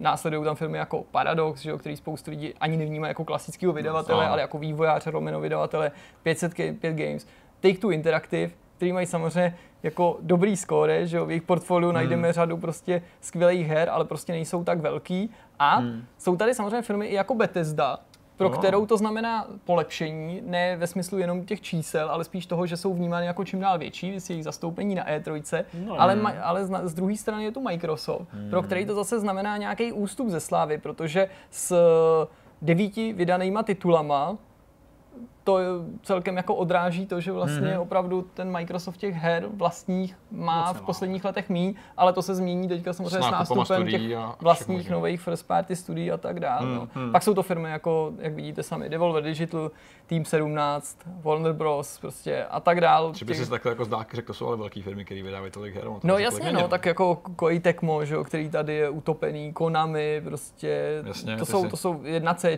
že jo, ty taky známe, Hmm, Milestone, který kromě vývářů taky to funguje samozřejmě jako vydavatel. Své závodní hry. A tak dále, ty, ty, ty vydavatele, který mají méně než těch eh, zmíněných eh, titulů, Hmm. kolik to bylo, pět jsem říkal, kterým stačí na tu střední kategorii, tak eh, přesně 5 až 11, Jo, pět až tak 11. ty vlastně, tahle ta tabulka, tenhle ten žebříček nesleduje, Hmm. ale fakt je to docela zajímavý podívat se na to, co ty jednotlivý verdikty a pak zprůměrovaný znamenají pro tu společnost ve výsledku, když se takhle všichni ohlídnou a podívají se na to nějakým jako globálním okem. Ale něco jiného je samozřejmě, Hmm. jsou ty výdělky, které stojí ještě někde úplně někde jinde, to samozřejmě tomu se Metacritic nevěnuje. Tak pokud vám takhle bzučí hlava z našich témat, Hm. eh, třech, tak eh, se teďka pojďte opravdu odpočinout, protože nás čeká ten slibovaný rozhovor s Jardou Beckem a nejenom o jejich studiu Beat Games. Nikoli Saber Super. Games. Volám za to. Teď to. Teď to přijde, ten fail. Jak jsme avizovali už na začátku, naším hostem je Jarda Beck, hudební skladatel, který je podepsaný jak pod hrou Beat Saber, ale taky jste mohli jeho hudbu slyšet v řadě herních trailerů. Vítej Jardo. Ahoj. Ahoj. Díky moc, že jste na nás udělal čas. Jasně, my jsme se tě sem pozvali eh, z nejrůznějších důvodů, bych řekl. Eh, Je jich spoustu. Kdybychom měli začít eh, úplně od toho začátku, tak by to byl samozřejmě Beat Saber, hra, na který teď je momentálně s klukama z nově přejmenovaného studia, že jo, Saber Games. Beat Saber, Games. Beat Games, já furt říkám Saber, nevím proč, to jsem se odkopal. Beat Games, tak na tom pracuješ, ale já bych to posunul na druhou stranu, na začátek, protože, jak říkal Jirka, hudební skladatel, je to něco, co zní hrozně jako vznešeně, v dnešní době bych řekl. Eh, Jak to vypadalo u tebe konkrétně, to znamená, jak jsi eh, směřoval k této profesi? Um, no tak asi nejdřív já se nepovažuji úplně jako za hudebního skladatele. Já jsem rád, že jsi to i takhle řekl. No. Uh, je to asi moc advanced na mě, jakože pro mě hudební skladatel je někdo, kdo, kdo vyloženě jakoby komponuje mm-hmm. jako silně melodické věci, třeba pro orchestra nebo pro instrumenty a, a, jak tomuhle hrozně zlížím a ke všem lidem, kteří tohle dokážou, tak, tak je vroucně obdivuju, mm-hmm. a, aspoň na nějaký velký úrovni, ale já jsem to vždycky bral tak nějak jako jinak, že jsem spíš technický typ, takže jsem takový, pár lidí o, mě řeklo, že jsem takový hudební architekt, jakože okay. že vlastně beru zvuky, nahrávám zvuky a nebo mám prostě nějaký, nějaký vytvořený jakoby samply a z nich začínám jakoby tvořit, takže třeba když jsem dělal trailery pro Blizzard, tak uh, tak vlastně jenom používám orchestr, který oni nahrajou třeba jenom jeden tón a pak z toho udělám celý jakoby orchestr, všechny jako linky, harmonie, ale prostě jako z jednoho zvuku a pak to zní úplně jako ujetě, hmm. ale z nějakého podivuhodného způsobu to funguje a vlastně asi to je ten důvod, proč, to, proč se to jako chytlo ve světě, proč jsem měl možnost začít dělat na jako větších zakázkách.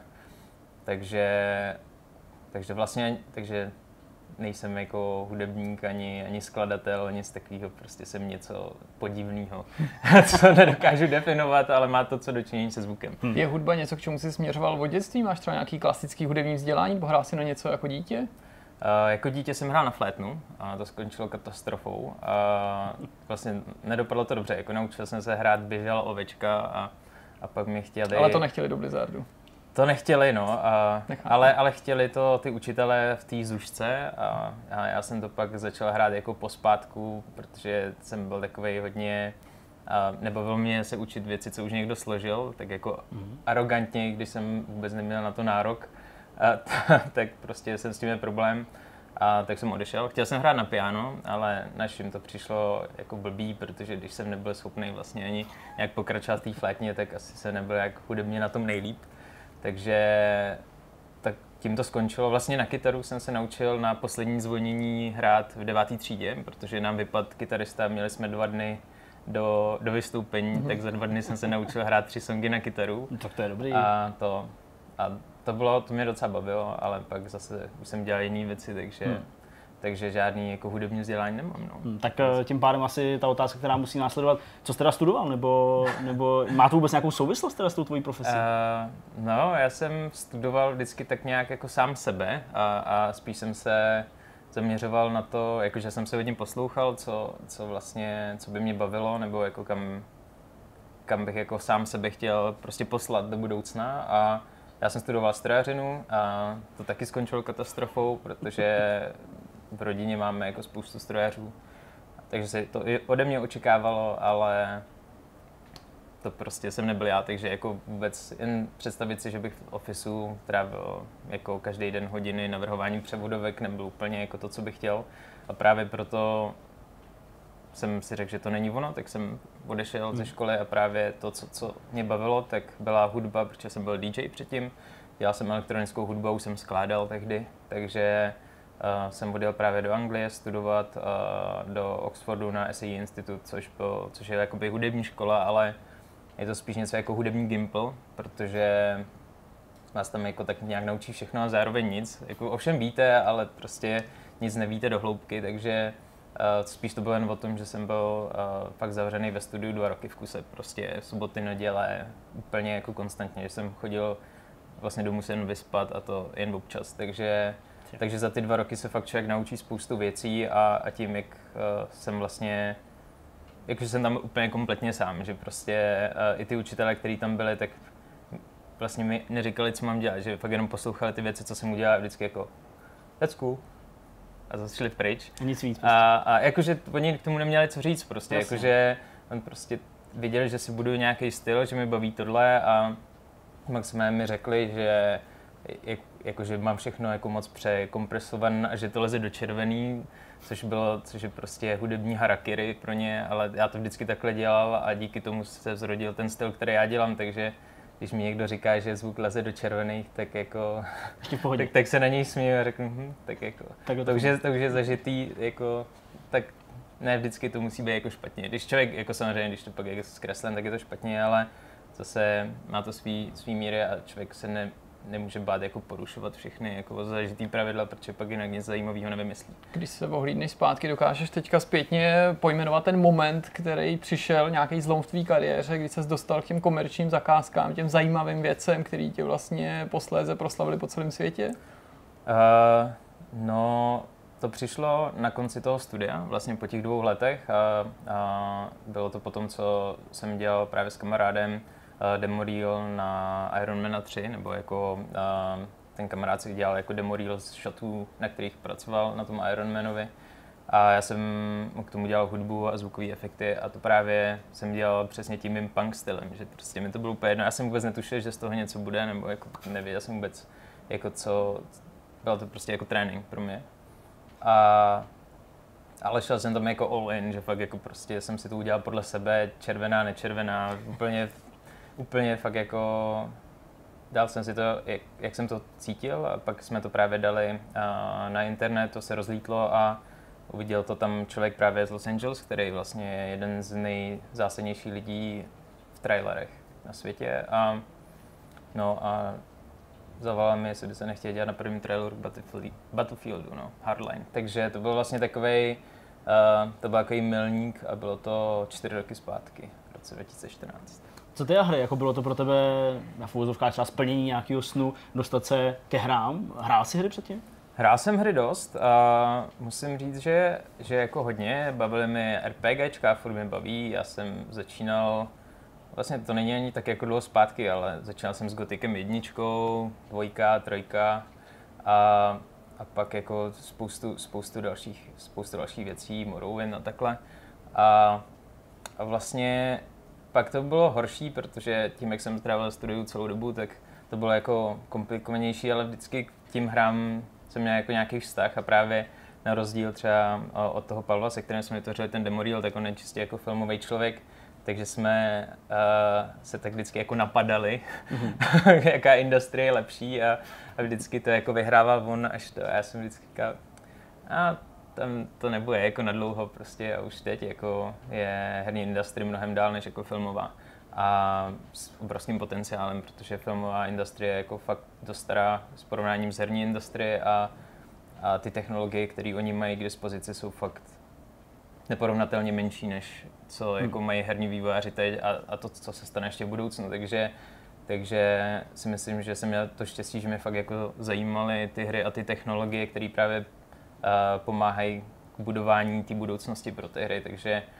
to bylo, to bylo jako dobrý a, a, a proto jsem rád, že k tím hrám mám jakoby nějaký vnitřní vztah. No. Hmm. Když ještě odhlídneme od Beat Sabera a toho, jakou hudbu si dělal pro něj, tak eh, ty tituly, který ty si vlastně doprovodil jejich upoutávky, ty trailery svojí vlastní hudbou, ty měly jiný svůj původní soundtrack, který často jako neodpovídá logicky tomu, jakou hudbu děláš ty, což je jako pochopitelný, hmm. protože pro trailer se často využije nejen jiná skladba, ale úplně jinak tematicky znějící věc. Vlastně napadlo tě v tu dobu, kdy jsi začal dělat ty první uh, tracky pro ty, pro ty trailery, že by si mohl složit celý soundtrack pro nějakou takovou hru, jako je Battlefield, nebo jako jsou věci, které dělá Blizzard? Já jsem jako rozhodně, byl to jo, jeden z mých gólů. Uh, právě ten důvod, proč vlastně jsem dělal ty trailery k věcem, jako je Battlefield nebo Overwatch a věci konkrétně jako od Blizzardu a spoustu jako dalších, tak byly proto, že ty lidi, eh, kteří viděli, že dělám elektronickou hudbu a nějakou, že dokážu nějakým způsobem dát do hudby emoci jako power, nebo že prostě fakt, uh, že to má, že to je hodně energický, tak jako správně pochopili, že když mi prostě dají hudbu, která je jako klidný orchestrální kus, takže z toho vyrobím něco, z čeho prostě budeš dostávat fakt jako při nejlepším husinu, že fakt, že, že mám rád prostě tvořit jako z klidných věcí něco, co pak jako si u toho pak řekneš jako wow. A No a právě já jsem přemýšlel, jakým způsobem vždycky tuhle jako moji silnou stránku přenést do klasického soundtracku, protože mhm. celý soundtrack nemůže být prostě nabušený od A do Z. A, a já zase to vnímám tak, že každý člověk má prostě nějakou věc, ve které je dobrý a pak má jako spoustu věcí, ve kterých je průměrný a pak nějaký věci, ve kterých je prostě špatný. A, a proto já se snažím většinou pracovat jenom tam, kde, kde vím, že můžu fakt jako přispět a když vím, že nějaká stránka je jenom OK, tak se snažím jako kolaborovat s lidmi, kteří jsou zase dobrý v té stránce. A, a právě tím se pak jako spojí ten skill. No a díky tomu uh, já jsem se vlastně dal dohromady s pár jako skladatelema, který že jsme pokryli celé jakoby to spektrum, jakože jak lidi, kteří tvoří jako skvělé melodie už pro soundtracky, a tak lidi, kteří dělají výborný mix a master a pak já, který to pak jako ve výsledku, který utváří jako rytmickou část, tu elektronickou a pak jako ten, ten výsledný feel celé té věci. No a, a to jsme otestovali právě u, vlastně dělali jsme teď intro uh, Hard Velvet, což je DJ, uh, nevím, kolikrát byl jako DJ jedna na světě, podle, no prostě nějaký DJ a, nějaký DJ. a to a udělali jsme mu jako vlastně intro pro jeho World Tour hmm. 2018, tak tam se to potvrdilo, že to funguje a řekli jsme si, že v tomhle tom se skupení uh, jakoby jsme dělali soundtracky, No, ale pak se stalo, pak se stalo to, že jsem uviděl vlastně early demo Beat Saberu mm-hmm. a úplně mi to tak jako okouzlilo, že, že, to, že jsem si řekl, že tohle prostě musím být součástí a, a pak se to všechno změnilo. No. Ono se to teďka nabízí samozřejmě do toho Saberu jít, ale já bych ještě rád malinko zůstal uh, ještě v té době, kdy si právě skládal ty věci pro ty. Mm-hmm. Já si myslím, že pro spoustu lidí, i třeba kteří se zajímají o, o, o hudbu a vytváření ty hudby, uh, bude třeba hodně cený, chápu, že je to i součástí know-how, takže kam zajdeš, to nechám na tobě, uh, že ty si často postoval, že seš, já nevím, někde na nějaký pracovní cestě nebo někde, seš v hotelovém pokoji a tam prostě skládáš hudbu pro trailer Battlefieldu. Uh, co jsi všechno k tomu využíval a jsou jako tyhle ty příběhy, tyhle ty historky jako pravdivý? Skutečně jsme schopni dělat jako on the, fly, uh, on the fly? Jako ten nejlepší, podle mě ten nejlepší trailer, nebo aspoň na který jsem nejvíc jako pišnej, jestli se to vůbec tak dá nazvat, tak, uh, tak je trailer ke StarCraftu. Uh, a to bylo vlastně, já, já, Ona to je jako pravda, ale já nevím, nakolik jako to můžu šířit. Já doufám, že teda tak lidi z Blizzardu se teď na to nebudou dívat snad, ne? a že si nenaučili česky, ale jakože fakt uh, tenhle ten trailer jsem dělal jako v autě na zadní sedačce, když jsme jeli do, do Grand Canyonu na naťázku. A ještě vím, že, se, že jsme pak eh, dělali jako finální kol, kde mi jako dávali feedback, tak já jsem seděl na silnici před hotelem, protože už jsme měli checkout a já jsem neměl to, tak jsem se napích na wi toho hotelu a normálně oni jako, are you outside?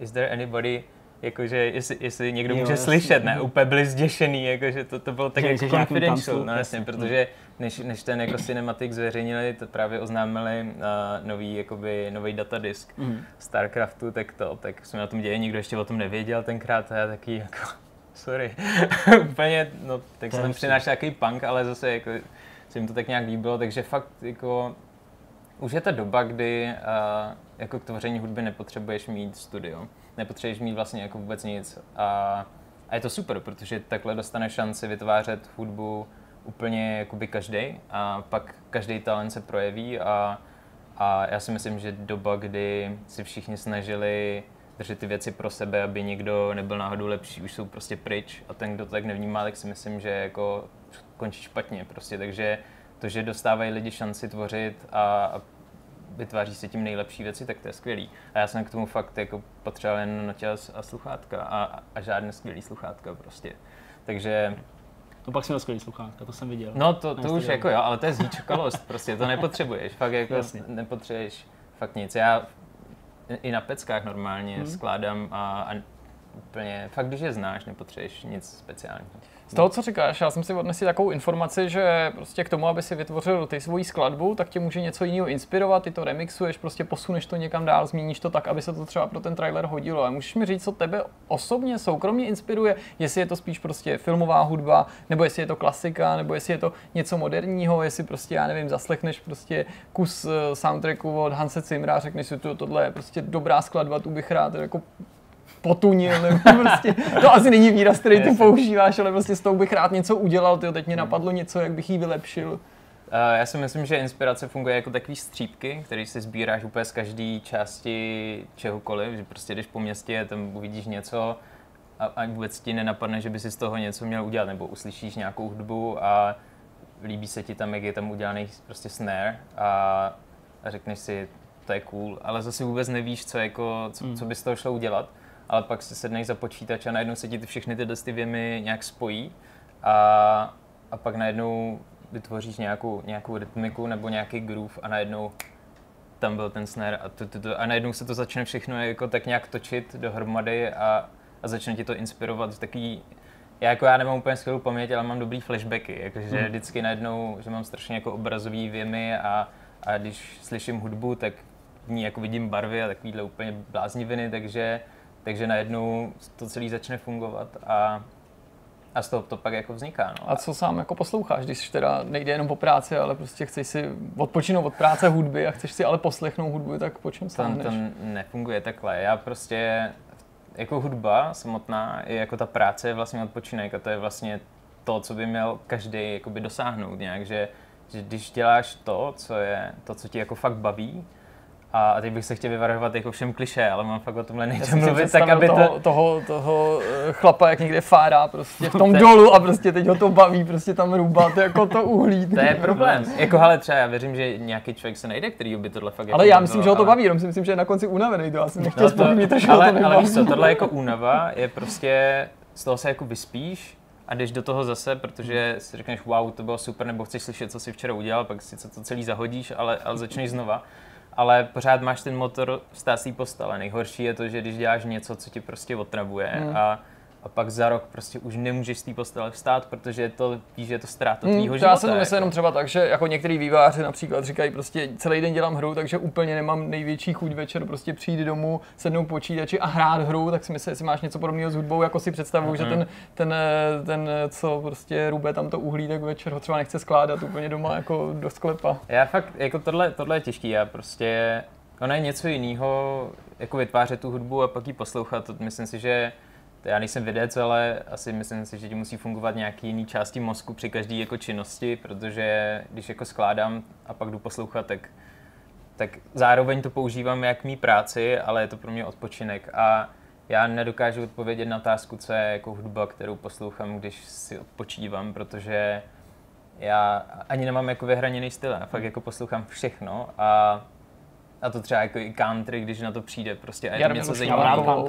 No, jako to má nějaký jako limity, ale, ale fakt jako, jako každá hudba, nebo teď jsem poslouchal nějaký úplně bizar z 60. let, prostě nějakýho chlapa, nebo to bylo 80. jak měl takhle ty elastiáky a, a cvičil tam u tohoto a já jsem byl z toho úplně jako konsternovaný, já jsem nemohl jako z toho spustit, jako, no, oči jsem z toho spustil, ale jako spíš jako uh, jako ten nápad, ta melodie, která tam byla, tak byla nějakým způsobem strašně zajímavá a všechno to okolo byl děsný bizar, ale prostě vždycky se tam najde něco, co, co je zajímavý a proto já nemám, já jako nedokážu specifikovat, co je můj jako, ani jaký interpret je můj nejoblíbenější. Prostě já fakt jako jsem takový pozorovatel a mapuju všechno, co je kolem, kolem mě a pak z toho slepu svůj jako skládačku. No. Když bychom se ještě vrátili k tomu tvůrčímu procesu, hmm. uh, jak to dlouho třeba trvá, než uh, uděláš uh, track pro, já nevím, dvouminutový trailer a pak případně klidně navaš, jako jestli jsi měl fakt nějakou jako krizi, že jsi viděl, že musíš a nejde to? Uh, no, tohle je jako různý. Záleží podle nápadu, hmm. ale uh, většinou ten jakoby, ono se říká, nebo je to takový, takový skrytý moudro, že když jako vytvoříš když chceš dělat track, tak ho za den musíš mít hotový. A jestli není hotový, nebo aspoň ta základní myšlenka není ready, tak je to špatný track. Prostě, že to tam musíš jako bombit a když to tam nedáš, tak to není prostě Tím se Axel Tak se- Rose neřídil, když dělal Chinese Democracy. No, jako, hele, ne každý, ne každý to tak jako má, ale spoustu lidí mi to řeklo, že fakt, když, že je to známka toho, že když ti to trvá díl, tak vaří z vody. Když prostě víš fakt, co chceš udělat a máš tam nějakou emoci, kterou chceš jako do toho vložit a máš co říct, tak to prostě dáš hned. A když se s tím plácáš prostě půl roku, tak je vidět, že, jako, že čekáš na jako random nápady. A, a to je prostě jako ne, není to problém, ale a někdo takhle skládá, já taky spou- spoustu, spoustukrát takhle jako dělám věci, ale myslím si, že nejlepší výsledek máš, když fakt jako si přisedneš v ruce a řekneš si, OK, tak co jako chci udělat, jak chci, aby to prostě, jaký to mělo feel, co prostě v tom bude zajímavý. A když to víš a jen prostě tam dáš, tak to musí mít hotový hned, prostě, protože víš, co děláš. Takže to je, to je jakoby, to je rychlej proces ve výsledku, no. Hmm. A pokud teda měli nastat nějaký ty okamžiky, kdy Jo. to prostě nešlo, ale ty si viděl, že máš nějaký deadline, nebo někdo po tobě něco chtěl, tak jsou schovývaví, ta druhá strana. Uh, nejsou a, a to teď řešíme právě Beat Games s klukama, jak jako řešit deadliny celkově, protože i programování jako takový je vlastně kreativní činnost a, a každý, každý člověk k tomu prostě přistupuje jinak a na každýho ten stres jako působí jinak. Ale tím, že já vlastně tak vlastně moje první komerční zakázka, co se týče jako fakt velká, tak to byl hned Battlefield, takže já jsem byl prostě nehozený do vody, ale rovnou do oceánu, prostě jakože úplně bez milosti a, a vůbec jsem nevěděl, co, co dělám, já jsem v tu chvíli ani nevěděl, že je nějaká trailerová hudba, ani že to dějí lidi, já jsem si, že to prostě, nevím, odkud to berou, když jsem byl v kině, já jsem ani o tom nepřemýšlel, že ta hudba je prostě, a myslím, Taky že spoustu, přesně, že spoustu lidí, když jde do kina, tak vidí trailer a, a vůbec jim nedojde, že, že jsou lidi, kteří se specializují jenom na to, na tu hudbu prostě do toho kina. A stejně tak jsem to vnímal já, takže jim to vůbec nemám za zlý, že to prostě, že to tak je a je to tak. Takže mi jenom řekli, že mám na to, je, jestli preview můžu poslat zítra. A, a, to, a já jsem jako, OK, ale vůbec jsem netušil prostě, jak to dopadne, nevěděl jsem nic a no a přesně takhle jako buildovali ten pressure, tak aby jako každý den jsem něco odevzdal a oni, protože to byl, protože jsem byl nový, tak potřebuje vědět, jako jak, jak pokračuju. Ale bylo mi jasné, že když další den odevzdám něco špatného, tak oni jako nemají čas, oni prostě jako tě hned replacenou za někoho jiného, takže takže to bylo jako hustý a žádný prodlužování konkrétně u těch jako největších projektů neexistuje. Jakože fakt neexistuje. Že ví, že je tam jasně daný termín, kdy se nahrává orchestr, když to uděláš, tak prostě pak se to musí nahrát živě a, a ty budgety tam lítají v milionech dolarů, jako jsem tam prostě a když, když něco spozdíš, tak je to v high. Jak se vypořádáváš osobně i profesně s tím, že sám si říkal, moje první věc byl prostě Battlefield, nebo takováhle věc byl Battlefield, pak to šlo v rychlém sledu po sobě, prostě další velký značky. Je to něco, k čemu některý lidi můžou směřovat celý život, když to přeženu a tohle je nějaká meta, kam se chtějí dostat třeba ne ve 40, že by tím jejich kariéra končila, ale plánují to třeba na desítky let. Ty se k tomuhle dostal v dost jako mladém věku, když to tak řeknu. Je pro tebe těžký udržet si teda jako nějaký tak na branku a vytyčovat si nový mety, aby ses udržel jako nabuzený, nebo pro tebe není jako tohle problém a nebylo pro tebe obtížný nacházet další motivaci pro tu práci v momentě, kdy si dosáh jako takovýchhle nespochyb- nespochybnitelných úspěchů? Um, já spíš jako teď zjišťuju, že ono je to jako pro lidi zajímavý, když děláš na jako velkých značkách, tak je to jako cool prostě a je takový oslavovan, ale já, pro mě je strašně důležitý, abych byl jako challengeovaný, že když eh, teď děláme třeba Beat Games a děláme vlastně indie hru, za kterou, stojí, za kterou stojíme tři, a, ale ta hra teď jako dobývá svět, a, ale vlastně je mi, jako ten Beat Saber jsem nedělal kvůli tomu, že, že z toho měla být velká značka, ale kvůli tomu, že jsem věděl, že je to něco, co mě, bude, co mě zase jako vybudí k tomu, abych jako pro to udělal všechno. A, a to je jako důležitý, takže já vlastně čím dál tím víc zjiš- zjišťuju, že to fakt o těch značkách není, že vlastně hmm.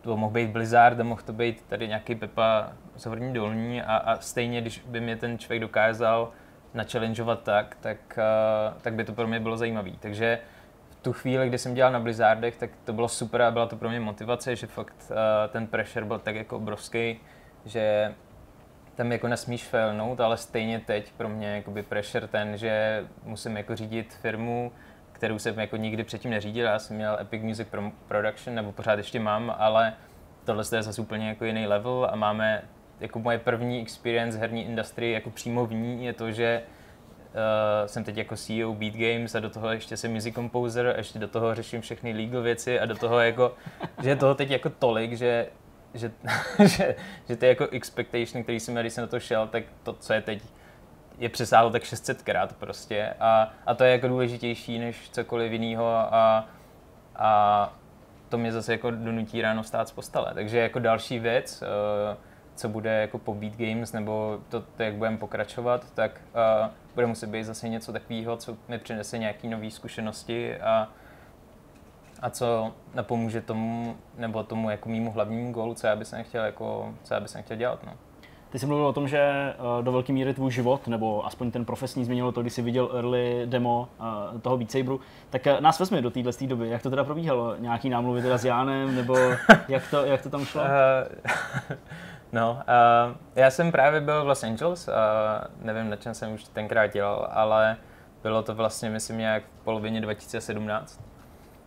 A viděl jsem na Facebooku takový ten teaser s tou holkou, uh, jak byla Takové, prostě jen, jen ta silueta té holky, jak tam sekala, já jsem se na to díval a úplně si pamatuju, že mě jako mrazilo v zádech, když jsem to viděl a já jsem si říkal, ty kráso, tady, to, to, jakože tady prostě něco je. A já jsem nikdy v životě jako emoci neměl, když jsem to prostě viděl, jsem říkal, ty tak to je, prostě, že se něco děje, ne? A jsem si říkal, jen ta hudba je tak na hovno, prostě, jo. pardon, to vystří.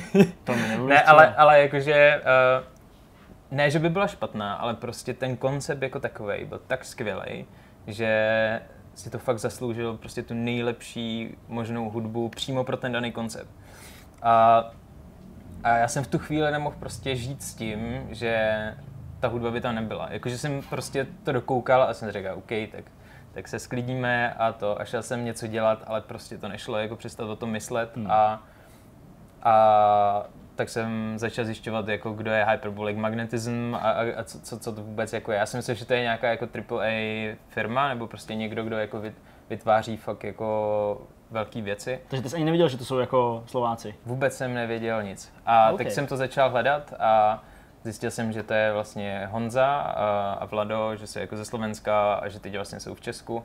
A tak jsem si našel Honzu, napsal jsem mu, jestli se můžeme potkat a Potkali jsme se pak tady v Praze a Honza mi říkal, že, že mě stejně chtěli jako oslovit s Vladem, ale jen si říkali, že to, že jsem, že jsem moc drahý, což mi přišlo v tu chvíli tak jako bizarní, když teď už chápu, proč to říkali.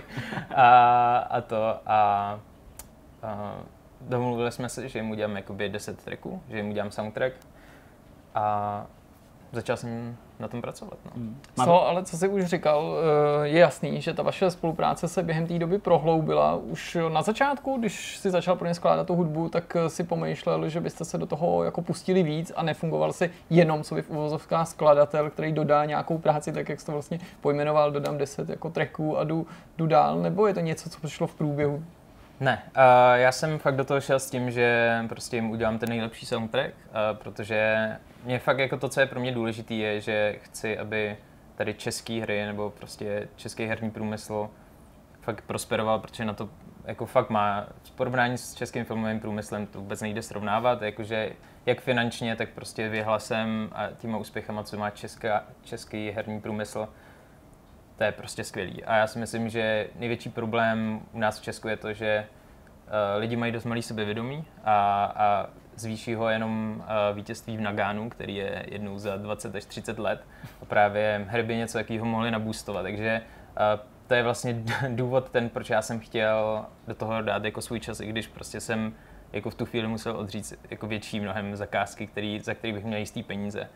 A ale prostě tohle je pro mě důležitý, takže jsem to vzal a vůbec se nepomýšlel na to, že by z toho něco vzniklo dál. Ale potom uh, jsem vlastně udělal první dva tracky a, uh, poslal jsem je Honzovi, on je dal do hry a udělal na to jako mapu. A udělal 130 vteřinový teaser a hodil to na Twitter, aniž by se mi jako nějak ptal, což, což, je, což je hustý, určitě já se jako trailerama živím, že jo, a on je taký, Hm, možná to se mnou mohl jako probrat, že on tam nechá ještě klik takový zvukový na konci toho, toho teaseru, což mě ještě jako do dneška úplně ničí. Ale, ale to, ale dal to prostě na, na Twitter a a stal se z toho jako mega virál. Nevím, jestli to mělo nějak 18 000 tweetů a půlka z toho byly retweety a jakože fakt se to rozlítlo všude. A mně jako došlo, že že to tam nemůže jako skončit, že, že, jako, že fakt jsme kápli na něco, co může jakoby posunout celou industrii a, a ne jenom jakoby naší českou, ale že, že celý VR a protože předtím já už jsem dělal na jedné hře, uh, na Blue Effectu, tam mm. jsem mhm. dělal uh, taky jako soundtrack, ale to byl vlastně jenom jeden track a, a zvukové efekty, a, ale prostě tam jsem si na tom ověřil, že vlastně VR pro mě bylo v tu chvíli jako 3D televize, že prostě to byl jako nějaký hype, všichni si říkali, všichni teď budou mít 3D televize a najednou to bylo pryč.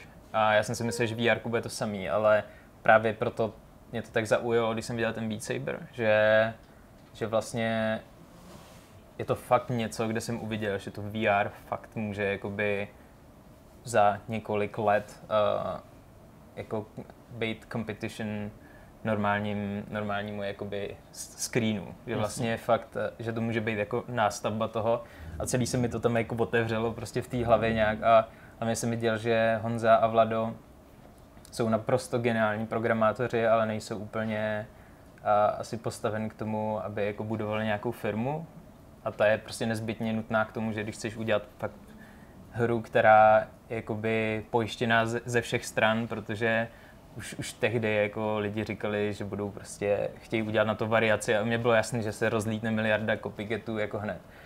No, tak se mi ten mozek začal nějak jako přesouvat úplně zase do té nové sféry, což já jsem vůbec nepředpokládal a, a pak jsme si taky řekli, že když, když to teda jako vydáme, tak i jako z účetního hlediska bude jako jednodušší, když prostě tam bude mít každý nějaký podíl, takže asi vytvoříme rovnou novou firmu. Takže, takže to. Tak jsme vytvořili Beat Games. Hmm.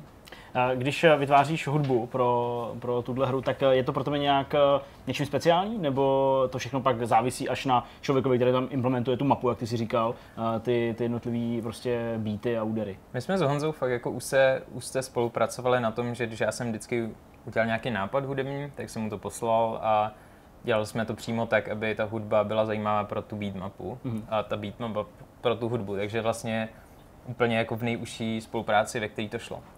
A to si myslím, že udělal celý jakoby ten úspěch, že fakt, že kdyby si jako licencoval tracky, tak uh, a pak udělal, a měl nějaký generátor, který na to jako udělal ty beat mapy. Jako třeba audio surf, Přesně, jo? tak uh, by to bylo OK, ale bylo by to jenom OK prostě. Jakože si myslím, že by vůbec se nestalo to, co hmm. se stalo s Beat Saberem. A ale díky tomu, že jsme to udělali tu těžší metodou, že prostě fakt všechno je jako handcrafted a ta muzika byla přímo jako udělaná pro to a všechno to spolu tak nějak jako ladilo. A ještě tím, že já jsem přesně jako inklinuji té elektronické muzice, která je jako powerful a, a donutí tě se prostě nějak jako hejbat a dá tomu ten ten. Takže všechno se to prostě úplně, ty nitky se tak nějak spojily dokonale k sobě a, a díky tomu to tak asi zafungovalo. No. Dá se na tenhle ten fenomenální úspěch navázat něčím, co bude ve vašem stylu, aby lidi jako poznali, jasně, to je Jan Ilavský, to je Jarda Beck, to je ta hudba, to je, to je ta hra prostě, ale přesto, abyste jenom jako nekopírovali sami sebe, vlastně určitě už teďka pomýšlíte na další projekty, já je samozřejmě z tebe nechci vytahovat, ne, ale jenom jako, jak moc se dá vzdálit tý, týhle tý úspěšný myšlence a přitom zůstat jako svůj? Uh, asi úplně jednoduše. Uh, úplně si od, prostě to, od toho, že jsme nějaký Beat Saber udělali a, a, a, stejně tak jako si myslím, že jsme dělali všechno jako ostatní, nebo aspoň tak, jak jsem to dělal já, to prostě nechat tak jako plynout a uvidíme. Jestli fakt jako v této kolaboraci a jestli tam najdeme prostě další věc, která může být jakoby zajímavější než tohle, tak to budeme dělat a, a jestli ne, tak já si myslím, že je zase jako blbost dělat za každou cenu věci, které se jen budou snažit přiblížit něčemu, to už je úplně od základu špatná, špatná cesta, podle mě. Takže my to fakt necháváme úplně otevřen, chceme dodělat za každou cenu Beat Saber tak, jak si my představujeme, jak bychom ho chtěli mít uh, se vším všude, protože já si myslím, že když to jako nepoděláme a když fakt jako to doděláme tak, jak bychom měli, tak Beat Saber má šanci jako se stát takovým tím novodobým Tetris ve virtuální realitě, který, která tu bude prostě furt.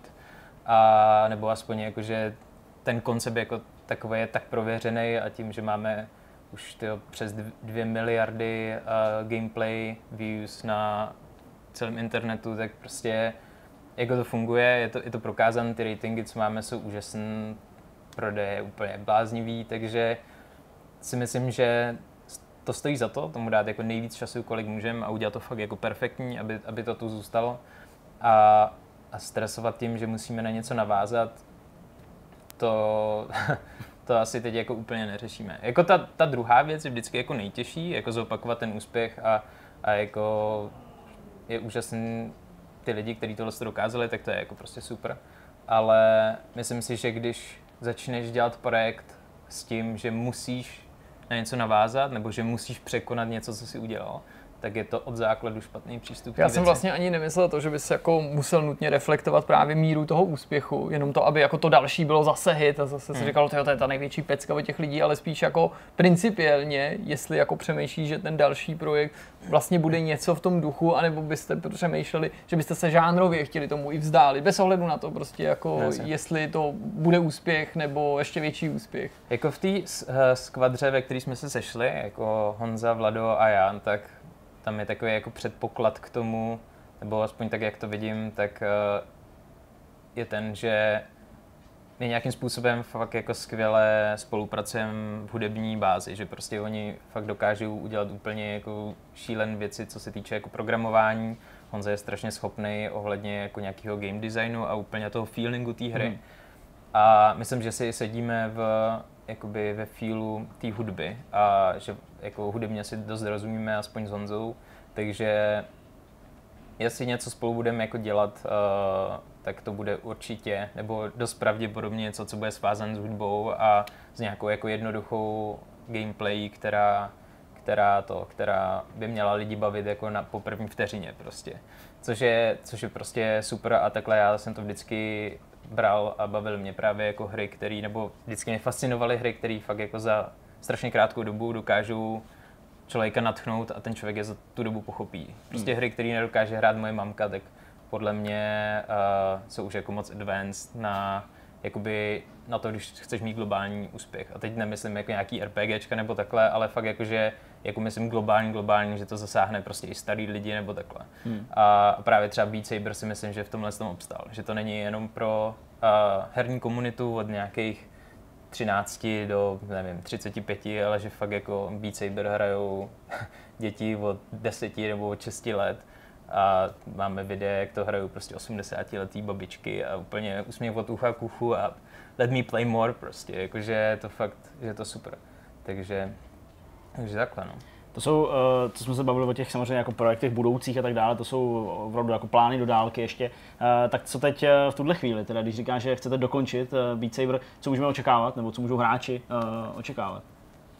Teď se připravujeme, a to už jsme měli teda jako vydat, ale je to dost komplikované, uh, jsou music packy. Uh, chceme, jako největší problém Beat Saberu v tuhle chvíli je content. A, a je to proto, protože já už nestíhám skládat, protože už jako řeším tisíc dalších věcí okolo firmy a hlavně bych v životě ne, nedokázal skládat tak rychle, takže potřebujeme jakoby hodně kontentu.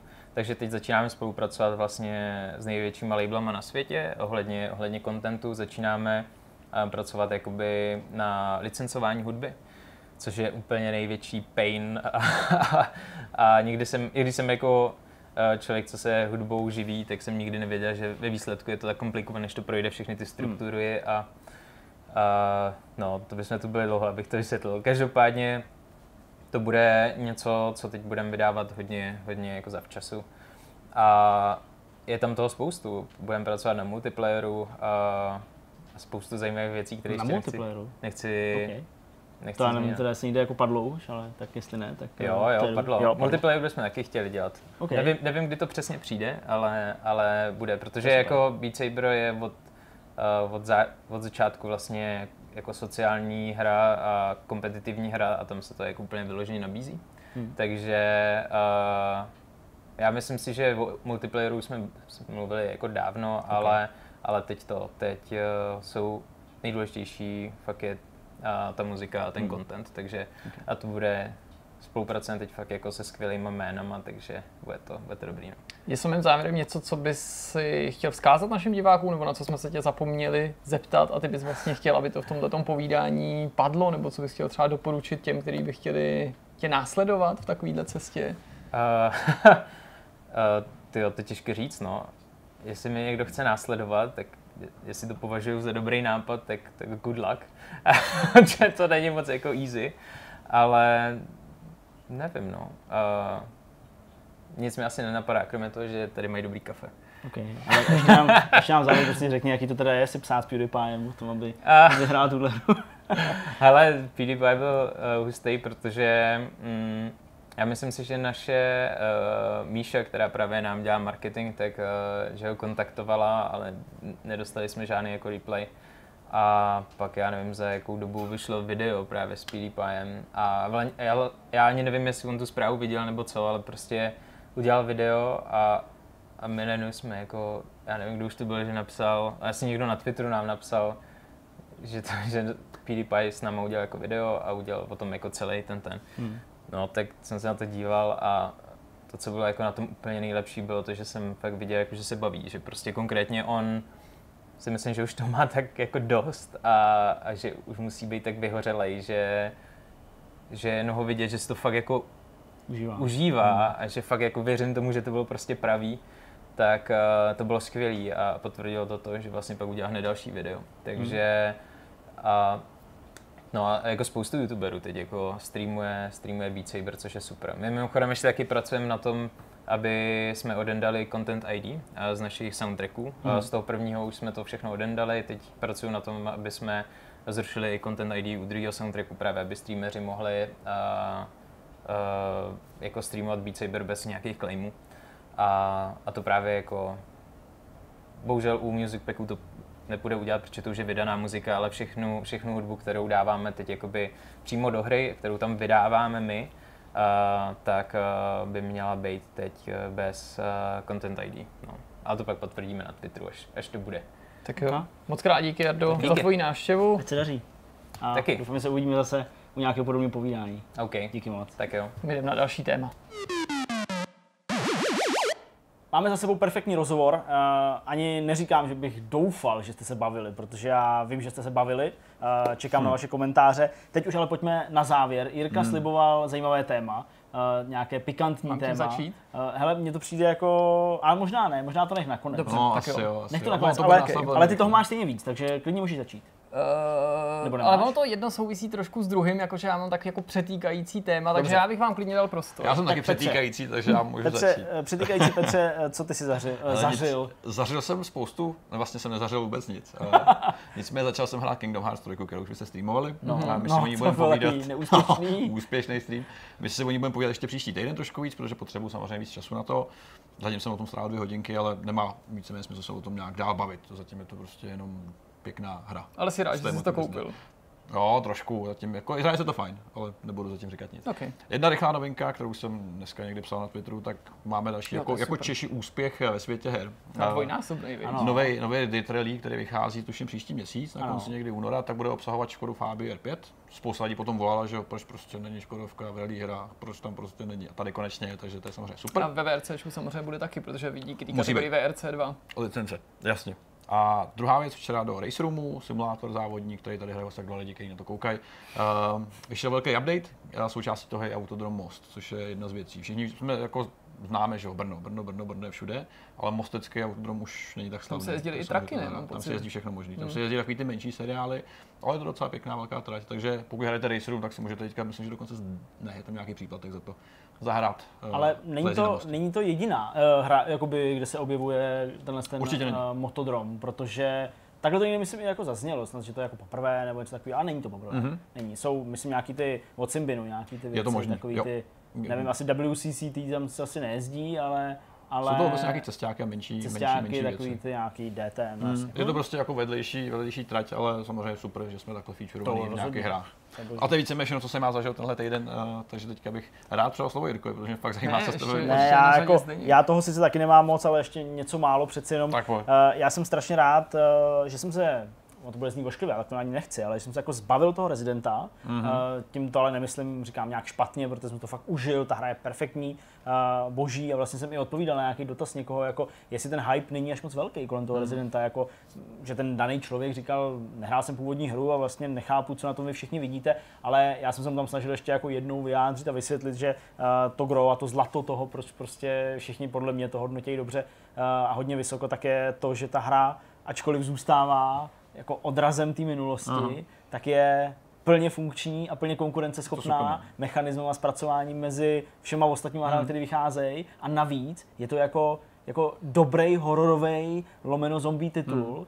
jo, který prostě člověka semkne podobně třeba jako první Dead Space. Jo, na těch místech, kde slyšíš jenom ty kroky. Jo, zase někdo řekne, no, tam, tam není ta hudba, že jo, problematická Jasně. za 89 korun, kterou si musíš dokoupit, pokud ji nemáš. Ale Uh, tak to jsem jako chtěl jenom říct, mm. že prostě jsem rád, že jsem toho zbavil, uh, mám na to krásné vzpomínky, uh, nádherná prostě, nádherný prostě zážitek, ale dostal jsem se k novým věcem mm-hmm. no a pustil jsem Hongkong Massacre konečně.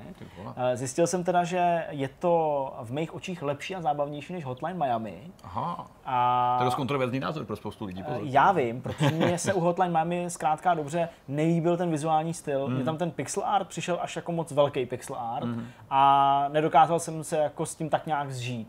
Hongkong Massacre naproti tomu, ačkoliv má víceméně stejnou, stejný mechanismy, tak eh, je realističtější, není reálný, nebo eh, realistický, je realističtější než, než eh, Hotline Miami, a nebo třeba Doorskickers, ale je to prostě super, mm. mě to bavilo. Hrál jsem to asi dvě hoďky zatím v tuhle chvíli, ono se to nedá hrát moc jako, že bys to hrál 7 hodin v kuse, to ne, ale hrál jsem asi dvě hodiny, docela mě to bavilo a hlavně mě to bavilo v momentě, kdy jsem si uvědomil po asi hodině a půl hraní, že jako jedním z poměrně klíčových prvků té hry a mechanismů, který vlastně ti mají i pomoct, mm-hmm. je to skákání. Jo?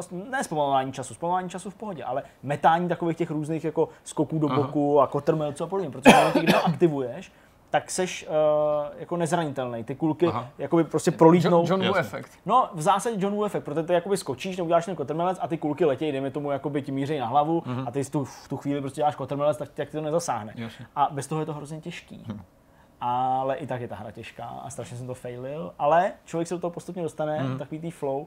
A já se tomu určitě v tom příštím týdnu chci věnovat uh, minimálně nějaký prostě pocket s Jirkou nebo, nebo prostě něco, nebo kratou linkou recenzi, protože to není velký titul, to mm-hmm. stojí pár korun, ale je to super, je to podobný třeba jako Superhot, mm-hmm. nemyslím zpracováním, ale ten dojem z toho, mm, nebo jako no, možná míra uh, úspěchu oslovit hráče prostě nějakých alternativních akčních her, tak tohle je fakt, fakt super. Takový typ ode mě.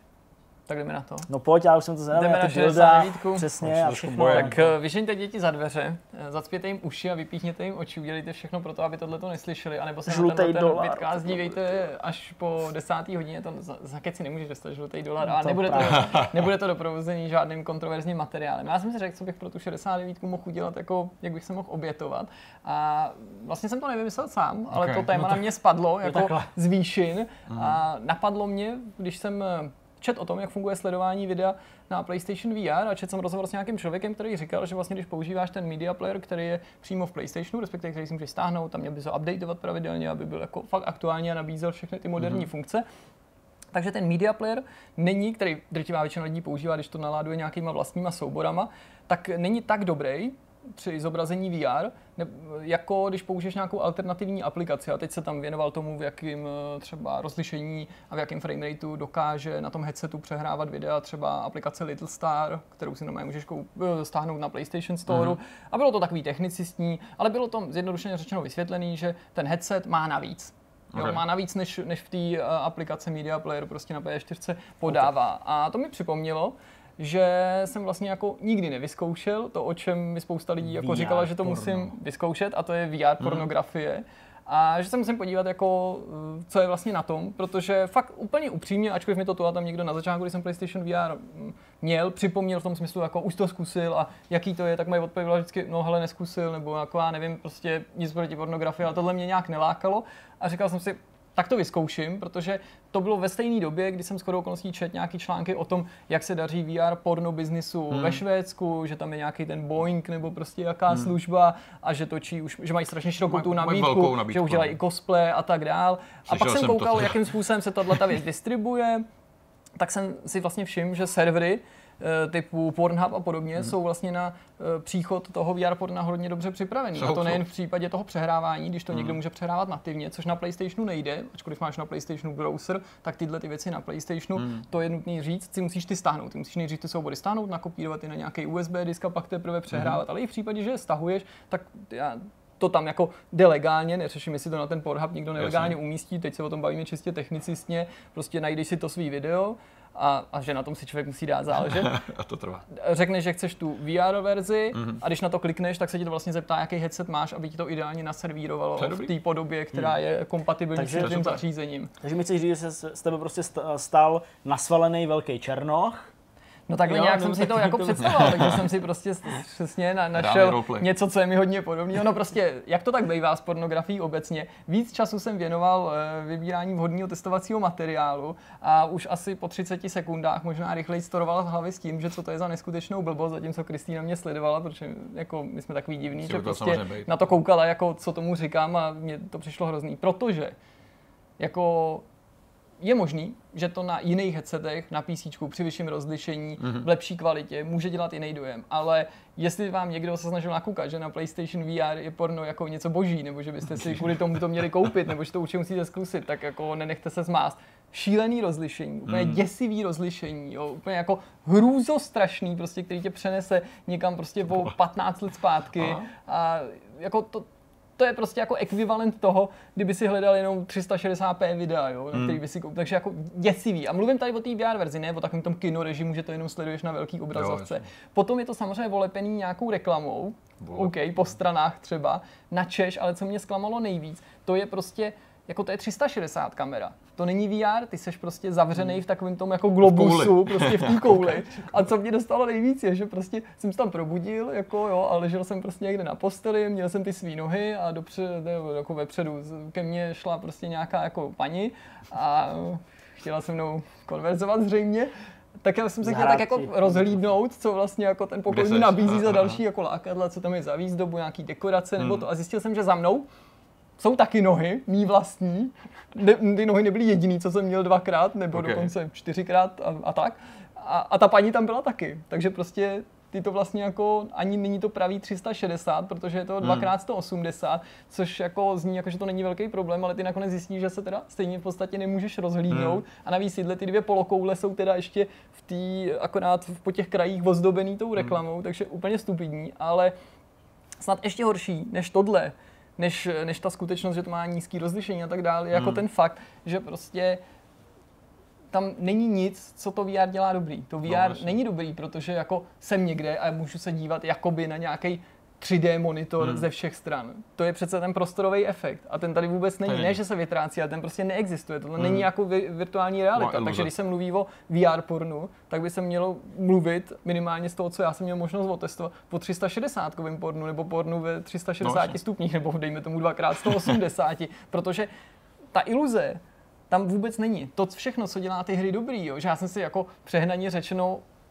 představoval, že spokojený bych byl, kdyby to na mě působilo podobně, jako když prostě sedím, dejme tomu, v té stíhačce v Ace Combatu, jo, takže to bude podobný, se v té stíhačce, akorát nebudu mít tu kombinézu prostě. Nebo a- budeš. A, a, uvidím, že mám prostě třetí nohu a, a, a pak tam objeví se ty paní, nebo někdo takovej. Ale tak to vůbec nebylo. Takže Tak jako zklamání, no. jsem byl vlastně docela zaskočený, jaká, jako, jaký halo se dělá prostě z něčeho, co si vlastně za nějakou jako větší pozornost nezaslouží. A jsem jako víc než ochotný věřit tomu, že to na jiné platformě funguje jinak, líp, že jsou jako jiné možnosti, ale to gro si myslím, že zůstává. A to je to, že to je něco, co je děsně přechválený a zatím mám pocit, že porno nedělá pro popularizaci VR to, co udělalo porno pro VHSky ve srovnání s. Betamaxem, nebo co prodělalo třeba pro, pro DVDčka ve své době. Já teda musím říct, že můj první takovýhle jako kontakt s eh, 360 kovým pornem teda, eh, byl, to bylo hodně vtipný, byl vlastně už jako na takových after hours eh, po prezentaci Microsoftu tuším, Uh, ne huby, kdo měl takovýto Gear VR? Samsung. Samsung. Samsung, tak po jasně. prezentaci Samsungu, prostě v nějakém hotelu, v nějaké restauraci byla prostě prezentace sam, produktů od Samsungu i tohohle z toho. A Fakt byla když to, zákulisní. No ne, o to ani nejde, ale prostě to bylo v tom jakoby lobby, nebo ne, ne, ne, v lobby v nějaké restauraci, to bylo nějakého hotelu. Takže tam jako všechno proběhlo, to oficiálně, všechny věci jsme vyzkoušeli, že nějaký ty hodinky chytrý jejich a tak dále. A pak se jako lidi přesunuli k tomu routu a k nějaký jako debatě a já tam prostě ještě zůstal s nějakýma těma jako poskokama, který tam teda různě utírali všechny ty věci, že Jo, aby jo, to člověk jako mohl omaštěný jako uh, dát na hlavu. No, tak jsem to nemyslel. Ale my jsme jako byli, a to byli prostě nějaký jako kluci stejně staří jako já, cca, nebo prostě mladší, ale prostě jako takový kluci. Říkám, tak tam, tak tam dejme nějaký to porno, ne? Tak to máme připojený k internetu, ne? Tam na tom Pornhubu tam je, no tak, tak mě vyzveme, jak to jako vypadá. No a to právě bylo to, co na to jsem tady narážel, že jo. Jsme pustili nějaký porno, teď uh, jsem se dal na tu hlavu, jak jsem teda jako viděl, jak ty říkáš přesně v tom 360, nebo možná 180, nevím, ale moje trauma spočívalo teda nejen v tom, že jsem byl teda obří černoch, jak už jsem tady říkal, takže jsem vlastně viděl jako teda svoje Ty nohy prostě, vole. nohy a teď tu další nohu a prostě břicho a tak dále.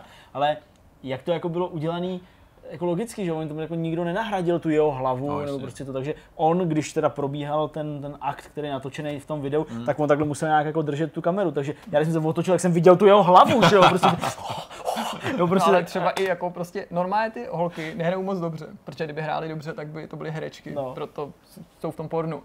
Ale jako tady, jak seš tomu jako blíž, tak tu jako trapnost toho mnohem víc cítíš. Takže já jsem prostě jako těch pár sekund, než jsem to sledoval, tak jsem drž hubu už, nic neříkej. No a to je za právě mnou, to ono, proč prostě, proč prostě, že jo, jako se občas z těch českých ozve, že jo, nedívej se do kamery, že jo, No to je jo. tam ten scizující efekt, kdy ono prostě, No, no já se právě. úplně bojím, co všechno se tam pak jako bude dít a co ona jako bude dělat. Takže jsi Jako, to nedokoukal? No, no vůbec, no vůbec, jako Kristina se tomu i divila, ne, že to nedokoukám, ale že říká, tak si to ještě jako nasaď, tak to jako vyzkoušej, protože byla svědkem toho, jak jako 10 minut instalují to VR, že jo, teď to kabeláž, to, to prostě znáte, pak ta moje se posedlost s tím jako hledáním toho nejlepšího referenčního materiálu, kterým jsem strávil mnohem víc času, že jo. No Tam jako, nejde. doufal jako, jsem, že to sledoval bude to jako... nahý? Ne, nesledoval jsem to nahej, nesledoval jsem to nahej, úplně Tak. jako Hele, přízemně možná, na že židli tady bude ta augmentovaná realita, tak já to pak převezme. Jak všechno jako prorokuje za, za prostě pět ve svých jako chlípných 15, 14, prostě když žádný virtuální reality, nebo nějaký takový ty pokusy byly, ale to se ke mně ani Na nedostalo. VFX1 nějaké No jako... to nejde, ale já jsem, polygonů. prostě, já jsem jako snil o tom, že bude existovat nějaký jako oblek, nebo prostě nějaká jako kombinéza uniforma pro ní a pro něho, s tím, že teda ona si do patřičných míst zavede něco, uh, on vloží něco do nějakých míst toho obleku a na dálku přes internet vytáčený, že jo, prostě, takže jako se budou přenášet ty pohyby a že vlastně jako ty lidi spolu nebudou, jako budou muset být někde v nějaké jedné místnosti a tak dále. Dej mi ty takže- pakety. takže doufám, že to kdy přijde, protože úplně stejným způsobem, a uh, myslím, že svědkem mi je můj vlastní otec, uh, jsem před těma, já nevím, 20 rokama Co jsi přemýšlel nad tím, jaký by to bylo, kdyby se ke hrám dodávali právě nějaký čichací periferie. Fua, a to se teďka objevilo. no to tobě by to bylo Protože, speciálně hodně No v té platný. době ještě jo. A taky úplně stejným způsobem, jako se teďka proměnila prostě čichací takováhle nějaká věc, tak úplně stejným způsobem, vím, že ještě tam nestál ani v Hradci Králové Interspar, tam na Slezském předměstí. Vy víte, kdo Teď tam... jsme myslel supermarket. Ne, já jsem, myslel, já jsem myslel The Sims. A to jsem taky šel s někým dospělým, už nevím s kým, a prostě, jako aby to bavilo hrát jako život, že jo, prostě ten, ten jako Hele, žije, já jsem takhle vymyslel, To jsem vymyslel. Já jsem vymyslel Tycoon, ve kterém spravuješ lyžařský středisko a pak A to, to i začalo vycházet v těch No, budgetech. že jo. Ale mohli se zeptat mě, protože abych to udělal Ale já jsem ten Sims taky měl vymyšlený. Takže to dojde hajzli. určitě i na ten oblek a, a transfer tekutin, vole, No, ten film nelhal. jako flashlight licencovaný pro PlayStation, že? To je jednoduchý. s PlayStation buttonem. Ty vado. Hele, oni už mají ty dilda, takže to mají hotový, takže oni potřebují jenom tu druhou část. No, dilda už mají, mají tam vibraci, má to, no prostě Všechno ty pořád. různý anatomický. a taky jako... existují takový ty hračky pro holky, který ovládáš ty na dálku No, tím, tím, No tím jasně, no, to telefonem, existuje, no, to No, můžeš. takže No, a dokonce nejen, že jsi v té stejné místnosti, to jde Ne, taky jako, ale internet. úplně přes internet. No, To je pro lidi, kteří cestují třeba hodně. To se hodí, no. Chlapi jdou na, na služební cestu, pustí Jo, se ta, Skype ta, nebo ta, něco. ta holka ti píše, jo, je to hrozně super, má to prostě někde v kapse nebo hozený v bágu, jo, miláčku, jsi tak dobrý. No a tak eh, ještě pokročíme od tohoto tématu. Už se nebudeme věnovat VR pornografii, ale mám pro vás takovou náplast na tuhle tu bolest v případě, že jste si chtěli zpestřit s tímhle tím život, protože samozřejmě následují určitě v tuhle chvíli už jenom dospělí, okořenit. A určitě Jasně. se vám taky někdy stalo, že vám eh, vaše přítelkyně, manželka nebo přítel, manžel řekl, no já bych se s tebou podívala nebo podíval na, na to porno, ale prostě kež by to měl nějaký lepší příběh. Tak já pro vás mám tip, ne na nikoli porno s příběhem, ale film, který je jako lehce erotický. A takových jako dobrých filmů, které jsou lehce erotický a přitom jsou to dobrý filmy, moc není. Rudá volavka. Ne. No čověče, Jmenuje se to Skandální život Lady Worsley. Už jsem to viděl před časem. Je to fakt fajn film, hlavně protože v tom hraje Natalie Dormer, kterou já mám poznamenanou jako u hereček. To je nejlepší. Hele, já jsem to chtěl říct, počkat, počkat, počkat. Teďka vyjmenuji ženy, který Zdeněk nesnáší. Nedomlouvali jsme se na tom. Já jsem totiž chtěl tohleto uvíct tím, že Natalie Dormer je z takový té kategorie, že ještě než jí uniknou fotky, tak vy víte, že nějaký má, jakože je to taková prostě jako neslušná No, holka. A mně se líbí. A všechny tyhle ty holky, které budu jmenovat, se mně líbí. A Zdeněk pak řekne, že jsou hnusný, protože my se v tomhle totálně Ne, ona není neschodneme. hnusná, jenom prostě jako nelíbí se mi, nebo Jasně, dobře. atraktivní. Ano, takže pro mě je to atraktivní Natalie Dormerová. Mhm, ano. Pak tady máme z této kategorie Jennifer Lawrence. Ale tam se shodneme. Pak je tam Amanda Seyfriedová, To ani někdo je. ta hrála třeba v Chloe, nebo jmenuje se to Pokušení v češtině. Jo. A Nevím. pak tu máme uh, kategorie, dřív jsme do ní patřili, ale teď už jsme vypadli, protože jsme mámy, a to je Kirsten Dunst a Lily Soběskyová. No, tak ani jedna z nich. Hlavně Kirsten Dance, prostě úplně ten strašný.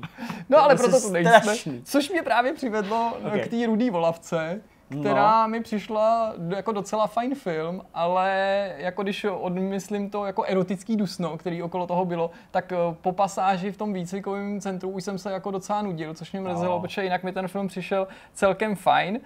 Pak tu mám ještě jeden teda jako highlight, že budu pokračovat na této filmově seriálové vlně a sice, že vlastně máme takový jako domácí, eh, domácí, jak bych to Pornhub. řekl, ne, ne, ne, jako domácí jako zásadní moment našich životů, protože je první film, který jsem dokoukal celý s Magdalenou a není to žádná pohádka, protože Magdalena Wow. je teďka nemocná a já už si vždycky budu tenhle ten film s- Dokoukal jsem s Magdalenou, aspoň.